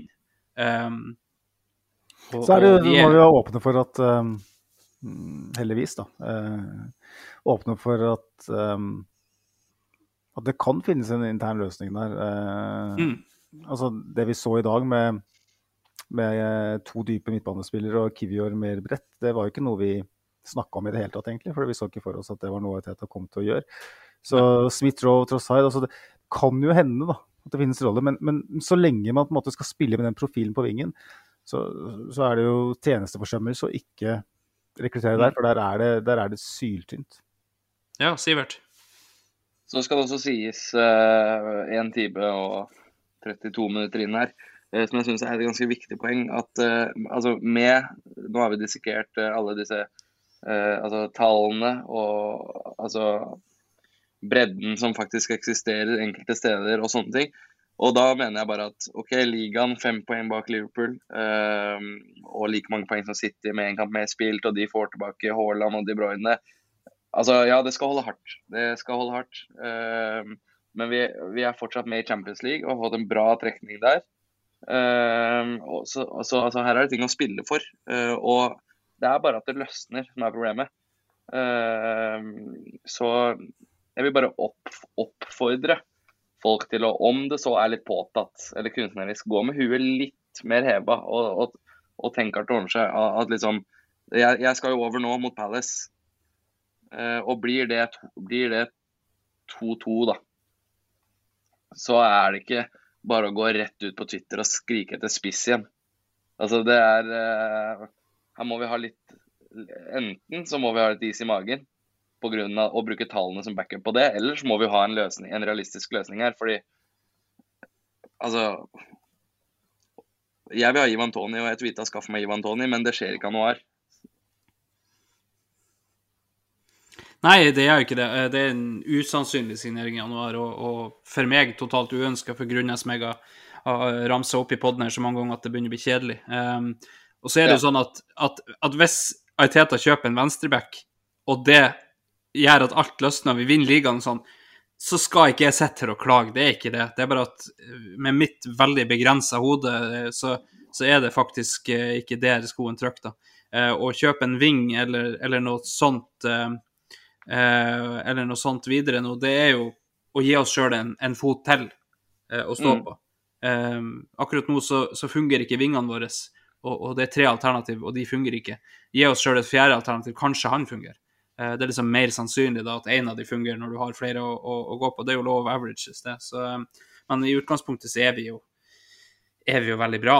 Eh, så, i, altså ikke mot Fulham, men, men i dag og mot Westham og i det hele tatt så er vi bra. Det er bare at, eh, eh, at flyten er ikke der. Det er litt uflaks, som man sier. Eh, vi kan ikke bære skyld på det, for som jeg sa her forrige gang, det er ingen som har jevnt uflaks. Det, det fins ikke. Eh, men, men det er flyt. Det er sjøltillit det går på. Eh, vi, har Det sett, altså. vi har sett så merkelige mål tidligere. Eh, tenk på det, det skuddet som Martinelli har nå sist, som er liksom sleivtreff der han sklir litt, og så går den akkurat utfor. Eh, hvor mange sånne har vi ikke sett gå inn? Eh, vi, vi har jo sett uh, Lacassette skåra vel et sånt et imot, uh, imot Tottenham, der han sklir og, og, og den går i mål. Altså det, det, det er flyt. Helt rått. Eh, ja, så det er liksom det. Vi mangler flyt. Vi mangler at, at den millimeteren er på vår side. Og, og nå- akkurat nå er den ikke det, og den kommer igjen. Det, det er den. Heldigvis så sa jeg akkurat at jeg skal over mot Palace. Og jeg gikk inn på statistikken min, for jeg har sånn Footballogy-app. Og så fant jeg ut at jeg har sett enten Arsenal Palace eller Palace Arsenal fem ganger. Og aldri sett Arsenal vinne. Så det ligger jo an til å bli nydelig. Og her satt liksom jeg og tenkte ja, Palace, er ikke det det er egentlig et lag som vi på en måte Det er et lag vi har litt taket på, kanskje er det ikke det? Så ja. Sivert med den stetten der, det, det, det er bra. Ja, ja. Alle tenker på det- um, Saha mot uh, Mustafi, vet du. Det er brensel Ja, ja, ja, ja. hos- hos Ja. mange. Men Mustafi Det- kunne se ut som Bambi på glattisen mot, uh, mot William, så eh, det, Det er vondt. ja. eh, sett eh, ja, 2-2 på Everest to ganger. Sjaka kasta eh, ar armbind og baller dra til helvete. Og, så det er litt av et oppgjør, det der. Det er så absolutt det. Da kan vi jo eh, sånn litt avslutningsvis i hvert fall eh, roe ned folk med 'tenk hvor vi har vært hen', folkens. Mm, Eh, det er viktig. Det, det er faktisk jævla viktig.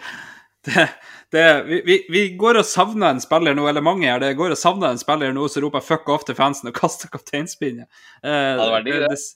ja, det, altså det sier jo litt om renessansen hans òg, ikke minst, men, men det sier litt om hvor vi har vært hen. Tenk den backlinja vi hadde med Sokratis, Mustafi og Lichtsteiner.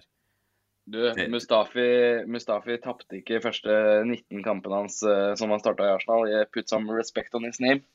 Ja, og, og det var ikke det at han nødvendigvis var i så jævla elendig signering, det var jo bare at alt rundt han var jo kaos. Ser du, ser du, positive stats kan du lage om alle, og det er derfor vi vil ha Elanga. Arsenal Station Ball vil ha Elanga. Ikke altså, Skal vi lage positive stats om alle, så kan vi jo gå for en som er litt billigere, og da går vi jo for William, da. Oi, oi, Altså- oi. oi. Magnus har lyst til å svime av her. Ja, Ja, nei, det her det er litt som, å, det er litt som å, å si at det eneste Arsenal trenger, er en spiss. Ja, men Magnus, det eneste Arsenal trenger, er en William. Det, det, det, det Nei, er bare men- sånn det er. Nei, men uh, skal vi ikke avslutte on a high da, gutta? Uh, nå Mm. føler jeg at vi eh, faller til, tilbake i samme grop hele veien. Eh, det handler om Det samme sammenhengen. Um, det er sant. Men det, det som er positivt, er jo at eh, når du etter hvert har uh, toucha down i Oslo igjen, eh, Sivert, så er det ikke mange dagene igjen til eh, vi skal på scenen. Eh, det er vel eh, Det blir interessant, for å si det sånn, og veldig gøy. Vi har, eh, som nevnt innledningsvis i poden, så blir det altså et liveshow den 30. januar. 30. januar, tirsdag. Husk det da, folkens. Ikke møt opp på onsdag, for da er vi ikke der. Eh, sånn er det kan hende jeg- jeg sitter på Carls og drikker øl, da. Ja, møt gjerne opp både tirsdag og onsdag. Sivert er der. Men eh, da er det altså Arsenal Station på scenen fra klokka 1900. hvor dørene åpner 1800. Eh, det blir pils, storskjerm, fotball. Eh, forhåpentligvis en Nuno Spiritu Santo som får den samme behandlinga som han fikk eh, da den ene Da vi satt på tribunen, Magnus. Nei, det var Conte, det. Det var Conte, men eh, sesongen før, Ja. når Sivert satt på tribunen. Eh, mm. vi skåra 3-0 der etter eh, ganske tidlig. Smith Rowe Det, ja, det var ikke helt uh, håpløst. Jeg har alltid sagt det. Smith Rowe har noe å gjøre i- en uh, Arsenal-elver, han. Bra spill. Ja, Men Da det, det, snakker det, vi livets sirkel når den er kommet tilbake igjen. det skal vi snakke mye om på Eller rekker vi kanskje ikke. Vi skal rekke, snakke litt om på scenen. Så eh, en liten, liten greie at det blir jo en litt sånn annerledes uh, greie. Litt mer lettbeint enn normalt. Uh, ikke en og en halv time. Så um, jeg Nei, for det har vi faktisk ikke tid til. Nei, det er nettopp det. Da, da, da blør vi inn i kampen. Tenk, jeg tror Ja. folk heller vil se match enn å høre oss snakke. Så Jo, jo, men det vi, vi kan jo blø inn i den halvtimen før match. da. Det er ingen som gidder å se på uh, Pål André Helland og co. sitter i studio og prate om uh, Arsenal. Nei, men da får vi ikke spandert, oss. da får vi ikke spandert de øla på de som har tatt fly. Så øh, det er, viktig, det er viktig. Så vær så snill, da. Vær så snill, folkens. Kjenn deres besøkelsestid. Om dere ikke hører på Arsenal Station hver uke eller syns at vi er noen uh, forbanna fjols, eh, nisser som uh, melder altfor mye rart, så uansett, er møt. Mm. Eh, møt opp og møt eh, likesinnede. Det, det trenger, det- eh, det trenger sentrale strøk av Ja, Norge. det. Det hadde faktisk vært kult hvis det kom folk og sa hva er Arsenal Station også. Eh, For da har jo folk gjort jobben sin. Dra med deg en fotballinteressert Cal eller en uh, ny Arsenal-frelst som ikke har Spotify eller hva det måtte være. Ta med hvem. Vi skal lage en hyggelig kveld. Det skal vi så absolutt. Eh, og, og vi kan jo se det sånn, når du ser Arsenal legge ut den her, eh, eh, Ready for Palace eh, matchday eller et eller annet på, på sosiale medier om morgenen der, så er det bare å komme seg nedover. Kom seg nedover til, til Karls. For da er i hvert fall litt utpå ettermiddagen der klokka seks åpner dørene, som Magnus sier, og, og da Altså, det, det er så enkelt. Blir det her jævla gøy, så er det her noe vi gjør mange ganger igjen. Det, det, ikke, det ikke, skal ikke bli bare én gang hvis, hvis dere møter opp og, og gjør det verdt det for meg å reise fra Mo i Rana og nedover. Så um, det skal mye til med tanke på de prisene som du skal betale, men eh, Ja, altså, det, det, det, blir, det blir dyre greier, men, eh, men jeg tenker jo eh, Lommeboka må ta litt støyten av og til, altså. Nå skal jeg kjøre opp til Bodø først, og det er tre og timer i bil. Og så skal jeg Ja, en halv, fire timer, da. Vinterstid. Må ta med litt. Saltfjell er kanskje stengt òg. så skal jeg opp dit, jeg skal fly ned til Oslo. Og, og så skal jeg møte så mange som overhodet mulig. Uh, som skal få lov å fortelle meg for en tulling jeg er, som, uh, som sitter her oppe og mener så mye rart. Um, det blir utrolig, utrolig gøy. Og så skal jeg få møtt Sivert for første gang. Det, det blir gøy. Ja, Um, jeg, jeg ruger jo eh, 1,87 på strømpelesten. eh, 93 kilo på en eh, litt eh, god dag. Så mm, ja, det blir fint, det.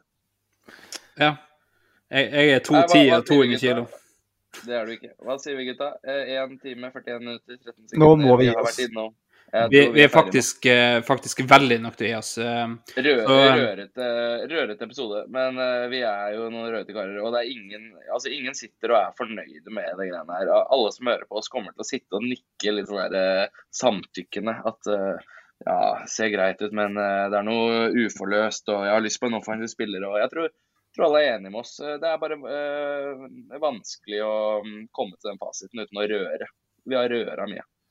Ja, og det skal vi fortsette å, å gjøre videre i karrieren vår her òg. Det er det som er gøy. Um, Karriere, karriere, karrieren. Ja, podkarrieren. Men eh, da tenker jeg at vi får avslutte. Og så, eh, hvis det blir noe nå i pausen, så har vel jeg sagt at da er ikke jeg med. Da blir det litt eh, familieliv her hjemme. Eh, men jeg er tilbake etter Crystal Palace, etter alle solemerker. Eh, Sivert, du skal huske på å mate eh, en katt. Lucy. Lucy, hun skal mates. I, ifra meg så er det som alltid et uh, vi hørs. Uh, og Magnus til slutt. Nei, jeg bare kom på at uh, det er en sang som heter 'Lucy in the Sky of Diamonds'. Jeg håper Sivert husker å mate den katta. Så det ikke blir Det, den, setter vi, den, den setter vi på når hun blir gredd hver morgen. Da tenker jeg at det, det, den teaseren har vi til livepoden. Så sier jeg ha det, ha det, hei.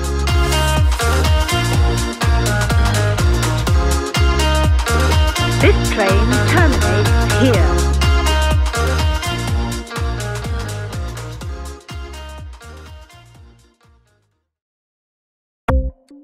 Ukens annonsør er HelloFresh. HelloFresh er verdens ledende matkasseleverandør og kan være redningen i en travel hverdag. Mange av oss har nok vandret i butikken både sultne og uten en plan for middagen, som ender med at vi går for de samme kjedelige rettene gang på gang. Middag burde være dagens høydepunkt. Som HelloFresh kan du nå velge mellom 25 ulike retter hver eneste uke, eller få HelloFresh til å sette sammen menyen for deg. Dette gir deg muligheten til å prøve nye og spennende retter alene eller sammen med familien. Du velger antall porsjoner og får alt levert på døren på et tidspunkt som passer for deg. Oppskriftene er enkle, og maten er lett å lage både for store og for små. Ved å få alt levert hjem får du også mer tid til å dele matgleden med familie og venner. Kanskje det frister med asiatiske tacos eller greskinspirert kylling? Da kan jeg anbefale deg om å gå inn på hellofresh.no.